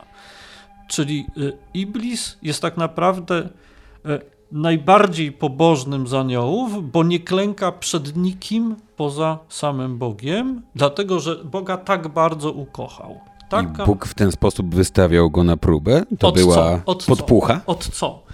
I y, y, pojawia się taka interpretacja, że to, co zrobił Bóg, było tylko testem, żeby sprawdzić, czy on naprawdę kocha Boga. No? Więc powiedzmy bardzo nieortodoksyjne podejście. Jak mówię, Al-Hallacz skończył jako heretyk y, zamordowany, ale nie bez powodu Al-Hallacz jest czczony przez Jezydów i Jezydzi są świadomi tej koncepcji.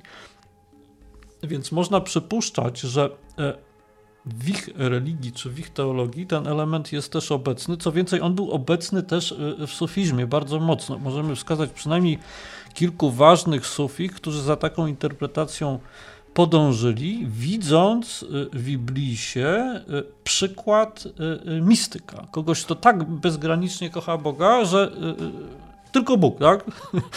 I jak Bóg to dopiero mówi, ortodoksja. tak, że, że to jest w ogóle hiperortodoksja i wtedy jakby totalnie przewartościowujemy wszystko, ale to też nam pozwala spojrzeć na jezydyzm z zupełnie innej perspektywy, tak? Y, jako religii bardzo mistycznej, która szła w tym kierunku. Oczywiście tych interpretacji zachowań Iblisa była cała, y, cała y, masa. Były też takie, które wychodziły z takiego założenia, ale zarazem uznawały, że postąpił niewłaściwie. E, no i go napiętnowały. No, Jezydzi poszli, jak się wydaje, za jedną z nich. Jeżeli poszli oczywiście, tak? Ale wydaje się, że podobieństwa są na tyle duże i, i, i że to, że Hallacz jest jednym ze świętych jezyckich nie jest tutaj przypadkowe.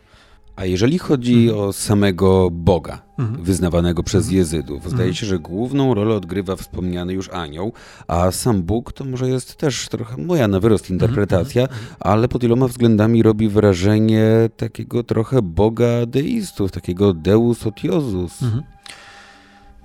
Znowuż trudno powiedzieć. Bo to wszystko bardzo zależy, z kim się rozmawia. Jakby raz jeszcze, problem polega na tym, że nie mamy świętej księgi, nie mamy de facto działającej instytucji, y, czy dobrze działającej instytucji przywódcy duchowego, bo obecny jest y, y, figurantem i nie jest osobą teologicznie mocną.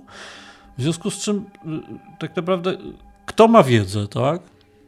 To my musimy y, y, ustalić, kogo słuchamy, tak? Kto się cieszy autorytetem. W świetle, przepraszam, tego, co tutaj już padło na temat wtórnego tworzenia religii, to właściwie chyba pan to wie najlepiej. To właśnie ja, ja bym chciał uniknąć tego rodzaju sytuacji, tak? Bo zaraz dojdziemy do tego, że, że to y, jezydolodzy będą tworzyli jezydyzm, tak? Spoczywa na panu duża odpowiedzialność, panie doktorze. To prawda i tutaj powiem panu y, tym większa, że y, Jezydzi mnie zaprosili y, do bycia wykładowcą Akademii Jezyckiej Teologii, w związku z czym już mam nawet za sobą ten sezon tegoroczny, więc już już miałem i wykłady i studentów i za każdym razem muszę straszliwie uważać, bo zdaję sobie sprawę, że cokolwiek powiem, to mogę im namącić w głowie, więc jakby, a to nie jest moja rola, tak? Moją rolą jest przede wszystkim słuchać ich y, i y, y, mówić im o tym, co słyszałem od innych jezydów, a nie przedstawiać swoje interpretacje, no bo nie chcę zaburzyć środowiska. To tak? jest niesamowite, to już jest tak daleko posunięty paradoks, tak, fenomenalny. Tak, tak, tak, ale wracając, wracając do, zaraz, bo pan pytał o coś konkretnego. I tak, ja, o. Boga na miarę deistów. A, jasno, więc jak mówię, zależy kogo się pyta. No bo jak się rozmawia z prostymi jezydami, to znaczy mam na myśli ludzi, nie wiem, młodych w wieku studenckim, e, którzy zetknęli się e, ze światem zewnętrznym, internetem, nie wiem, satanistycznym Netflixem i całym tym badziewiem. Innego rodzaju degrengoladą. Tak. tak, tak. No to oni mówią, no przecież my wierzymy w tego samego Boga, co wszyscy, bo jest jeden Bóg i tak dalej. No więc y, im się mówi, no, no, no tak, ale to dlaczego w modlitwie y, modlisz się przede wszystkim do anioła Pawia? A no tak. Więc y, czym innym są, znaczy mówi się czasami że jezydyzm to jest religia, y, jest takie y, modne słówko y, ortopraksji, czyli oni wiedzą, co robić, jak się modlić, w jakich sytuacjach, tak jak, nie wiem, Polak, powiedzmy, który jest przywiązany do obyczajów, wie, kiedy pójść ze święconką i wrócić do domu i kiedy może jeść kiełbasa, a kiedy nie, ale on nie wnika a y, po prostu nie wie, tak? Więc, Ale skoro już to robi, no, no to to, to robi, tak? No, tak, tak. Babcia tak robiła, y, y, dziadek tak robił, no to skoro ja tak robię, to, dokładnie tak jak pan mówi, to, to jestem katolikiem i jemu to nie jest chyba nawet potrzebne do życia, więc chyba z większością jezydów tak jest, aczkolwiek pomimo tego, że ta religia faktycznie zaczyna obumierać, czy przechodzi w inną fazę, faktycznie młodzi jezydzi coraz bardziej się interesują swoją religią. Tylko jaki jest problem? Że oni odpowiedzi na swoje pytania dostają zazwyczaj w akademickim języku y, y, zachodnim który jest już y, nacechowany wieloletnią, set, tysiącletnią tradycją rozwoju teologii, hermeneutyki i tak dalej. I trochę problem polega na tym, że oni w końcu dostaną odpowiedź nie swoją, tak? Albo nie o swojej religii. Doktorskich. Tak, to znaczy my ubierzemy, my w sensie świat naukowy ubierzemy tę religię y, w terminologię y, naszych teologii zachodnich i im to damy i oni to y, wezmą Pytanie, czy to będzie ich, tak? Więc tutaj mówiłem panu, że, że, że, yy, że, że, miałem wykłady dla, dla jezydów. Ja jestem straszliwie ostrożny i wolę zamiast czegoś powiedzieć, to raczej ich spytać, jak oni by coś nazwali, albo powiedzieć im, że słyszałem takie, takie opowieści w Iraku. E, oni też są bardzo głodni tego rodzaju e, e, opowieści, bo wielu z nich na przykład jezydzi gruzińscy, czy, czy ormiańscy, czy, czy rosyjscy nigdy nie byli w Iraku, w związku z czym dla nich to wszystko jest nowe. A przepraszam, gdzie pan prowadzi te zajęcia? To się nazywa Akademia Teologii Jezyckiej, Międzynarodowa Akademia Jezyckiej Teologii w Tbilisi, w stolicy Gruzji. No więc jak mówię, trzeba bardzo uważać, odpowiadając jezydom na takie pytania, bo można, jest takie ładne określenie, przefajnować, prawda? E, I no, jeżeli chcemy coś, e, że tak powiem, ocalić, co jest właściwe dla nich i im nic nie zepsuć i nie zepsuć tego środowiska, to trzeba być bardzo ostrożnym i najlepiej odpowiadać ich własnym językiem, ich własnymi legendami, ich własnymi sformułowaniami a nie wpajać im jakieś teorie, że oni są zoroastrianami czy, czy, czy mitraistami, bo wydaje mi się, że e, przy całym szacunku dla e, autora czy autorów tych teorii, to jest to jednak mało ugruntowane w źródłach. Mhm. To jeszcze na koniec i tak chyba już mhm. rzeczywiście na koniec. Wiem, że to kolejny temat rzekę i otwieram furtkę do czegoś dużo większego, mhm. ale chciałbym, żebyśmy nakreślili, jak wyglądają jezyckie święta. Mam tutaj na myśli przede wszystkim te święta. Mhm. Wiem, pytanie o bardzo dużym stopniu ogólności, więc konkretnie. Czytałem, że... Drogi Jezu, jak wyglądają chrześcijańskie o, święta? Właśnie, tak, dokładnie. pytanie na koniec. Dokładnie. Czytałem, że jezydzi między innymi podczas przynajmniej jednego ze swoich świąt mają w zwyczaju obnoszenie różnego rodzaju wizerunków, figur przedstawiających właśnie anioła Pawia. O, widzę po minie pana doktora, że chyba mija się to z prawdą. Nie, nie, nie, ja słucham, Aha. słucham zainteresowany. Mam nadzieję, że nie słuchają mnie teraz żadni jezydzi, bo będę, nie, nie poczuwam się do odpowiedzialności za to, co mówię. Ale tak, mhm. podobno właśnie nawet spotkałem mhm. się gdzieś z informacją o jakimś konsekrowanym, nazwijmy to miedzianym słupie, na który zatknięty jest wizerunek anioła Pawia, potem jest obnoszony po wsi czy po różnych okolicznych wioskach jezyckich. Tutaj od razu pozwolę sobie zadać, drugie pytanie. Jeżeli jest to prawdą, jeżeli faktycznie tak. w ogóle jest mowa o jakimś kulcie wizerunku, mhm. podejrzewam, że biorąc pod uwagę zapatrywania bardziej, nie bardziej, a ortodoksyjnych muzułmanów, jezydom raczej nie mhm. przysporzyło to nigdy sympatii. No mogło chyba podpadać pod mhm. pewnego rodzaju bałwochwalstwo. I na tym kończę moje pytanie. No więc cieszy mnie, że pan zadał to pytanie, bo biorąc pod uwagę, że jeszcze mamy trzy godziny, to, to chętnie e, e, wejdę, że tak powiem, wstępnie w odpowiedź. Po części to prawda, to znaczy jest obyczaj, który się nazywa Tawusegeron, czyli parada, parada pawia, czy krążenie pawia. I to jest obyczaj, który zaczyna się w połowie kwietnia z grubsza, bo y, mówię naszymi miesiącami, a y, jezyckie miesiące są nieco inne i nie pokrywają się. W połowie miesiąca Nisan, e, około powiedzmy 18-20, e, grupa kałalów, czyli tych hymnistów, wyrusza z miejscowości Bagzani, e, z wąwozu, który tam się znajduje i gdzie jest wielka płaskorzeźba Pawia w obchód jezyckich wiosek, niosąc ze sobą przedmiot, który jezydzi nazywają tawusem, czyli pawiem, a y, y, y inne jego określenie to jest y, y, to jest wzięte z terminologii wojskowej, oznacza taki nie wiem jak to jest po polsku, taka tyczka, na której flagę noszono w wojsku, czy, czy symbol jakiejś... Drzewce jakieś? Jakiś taki drzewiec, tak. Więc mają taki przedmiot, a, I zgodnie z legendą tych przedmiotów było siedem. A mi się udało zobaczyć raz, dwa, trzy albo cztery. Niektóre w, we wspomnianym wcześniej skarbcu, jak się domyślam? Jeden z nich. Jeden. E, tak, jeden z nich, e, e, jeden z nich w skarbcu. Więc powiem tak, jezydyzm jako religia nie ma świętej księgi, ale ma święty przedmiot. E, I e, e, to jest właśnie ten święty przedmiot, ów tawus, czyli paw, czy, czy sandżak, jak go tam chce się określać. I zgodnie z tradycją ich jest siedem. Trudno powiedzieć dlaczego. To znaczy, jezydzi czasami mówią, że ich jest siedem, dlatego że jest siedem aniołów, albo że ich jest siedem, dlatego że jest siedem regionów, które zamieszkują jezydzi, i faktycznie one są jakoś tam powiązane z tymi regionami. A może ich jest siedem, bo i tutaj moja interpretacja, bo w Apokalipsie y, świętego Jana czytamy o świętych y, siedmiu świecznikach wokół tronu Boga. Więc y, pytanie, z jakiej tradycji to wzięto. E, w tej chwili nie ma ich siedmiu bo przynajmniej jeden miał być skonfiskowany przez Rosjan, y, y, kiedy Kałalowie wyruszyli y, właśnie taki obchód do jezydów w Armenii i, i, Gruzji. Więc gdzieś tam to się pogubiło. To są bardzo ciekawe przedmioty i, i bardzo dziwne. Jeden mam w pokoju, mogę panu potem pokazać. Oryginalny?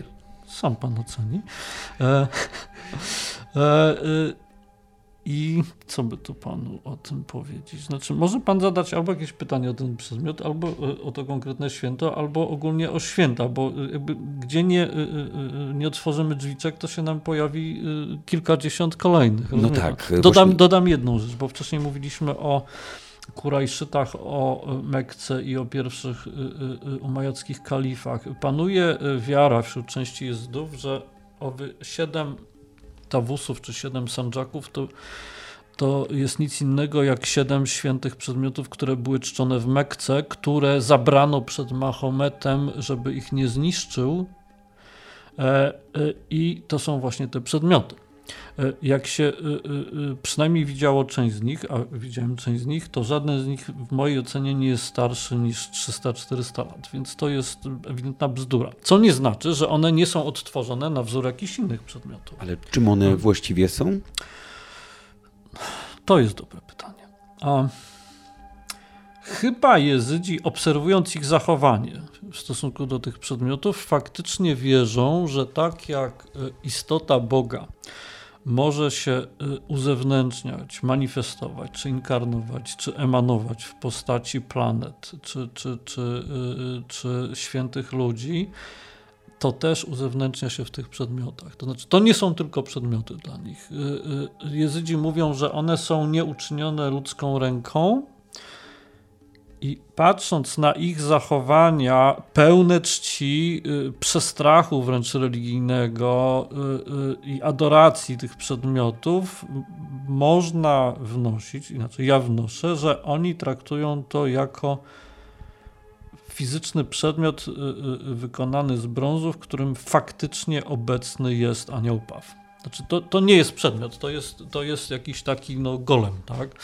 Y, jakieś ożywione duchowo przedstawienie. Pytanie czego? Bo jak się widzi te przedmioty, to to jest wszystko tylko nie paw. No, czy jest to gruba kaczka albo gęś. I wydaje mi się, że wskutek lat badań tematu w końcu rozgryzłem temat, że to, co Jezydzi mają za święte przedstawienia swojego pawia, to jest nic innego niż hinduski świecznik, na którym przedstawione jest ptak, który w hinduizmie nazywa się Hamza, który jest rodzajem powiedzmy ducha świętego hinduizmu. To znaczy mamy identyczne świeczniki y, y, y, w Indiach i wydaje się, że tą drogą mogły trafić do Jezydów. Oczywiście pojawia się pytanie, skąd to trafiło do Indii. I tutaj jest kolejna zagadka, dlatego że w czasach bizantyjskich i w czasach późnej starożytności bardzo podobne przedmioty na terenie Mezopotamii nie tylko można znaleźć. Więc być może to jest coś bardzo faktycznie archaicznego. Mówię o formie tego przedmiotu, bo to wygląda jak taki wysoki świecznik zwieńczony ptakiem. E, e, wydaje mi się, że to jest coś, co przeszło z terenów Mezopotamii e, będącej pod wpływem kultury grecko-rzymskiej do Indii i potem wróciło wtórnie do Jezdów. Taka jest moja teza. Domyślam się oczywiście, że nie ma możliwości, żeby któryś, choć jeden z tych mhm. przedmiotów otoczonych taką czcią przez jezydów poddać badaniom, tak żeby chociaż określić ich Innowierca nie może dotknąć tego przedmiotu. Sami jezydzi, y, jak się zbliżają do niego, to zazwyczaj go całują, y, zostawiają pieniądze, jakieś datki religijne koło niego, dotykają go dłońmi z ogromną czcią. Raczej nie pozwoliliby jezydzi, żeby to zbadać. Ja sam, żeby zrobić zdjęcie a y, tym przedmiotom musiałem mieć y, y, zgodę no, naj, najwyższej władzy religijnej jezyckiej i też z dużą niechęcią ci, którzy go pilnowali, pomimo tej zgody i pomimo, że sam książę poszedł ze mną, żebym zrobił zdjęcie, to mimo to nie, nie, nie do końca byli zadowoleni, że to fotografuję. A czy wolno panu doktorowi pokazywać te zdjęcia osobom trzecim? Tu nie ma problemu. Tak, tak, tak, tak. Z tym problemu nie ma. Liczę na to, że będę mógł zobaczyć i chyba właśnie tutaj stawiając tak na e, partykularyzm, właściwie prywatej, na to, że już ciekawość mnie pali, bardzo chciałbym zobaczyć te przedmioty, będziemy kończyć rozmowę, choć jest mhm. fascynująca, ale to im bardziej wydaje się fascynująco, uświadamia mi, jak wiele ścieżek jeszcze przed nami, jak daleko moglibyśmy zabrnąć i realnie patrząc, jak długo nasza rozmowa mogłaby jeszcze trwać. Myślę, że chyba najlepiej będzie po prostu wrócić do tematu jezydów za jakiś czas. No to ja bardzo dziękuję za pytanie. Mam nadzieję, że, że słuchacze tam już y, y, y, nie chrapią znudzeni tematem, że to było w miarę interesujące. Jeżeli o mnie chodzi, było bardzo interesujące. Jeżeli chodzi o słuchaczy, mam nadzieję, że podzielają moją opinię. Jak powiedziałem, będę dążył do tego, byśmy do tematu jezydów jeszcze mieli okazję wrócić w którejś odsłonie naszych spotkań. Będzie mi bardzo miło. Bardzo dziękuję i do usłyszenia. Dziękuję. Bardzo dziękuję i do usłyszenia. Moim gościem był dr Artur Rodziewicz z Instytutu Etnologii i Antropologii Kulturowej Uniwersytetu Warszawskiego. Ja nazywam się Michał Korczowski, a to jest podcast Centralnie na Wschód.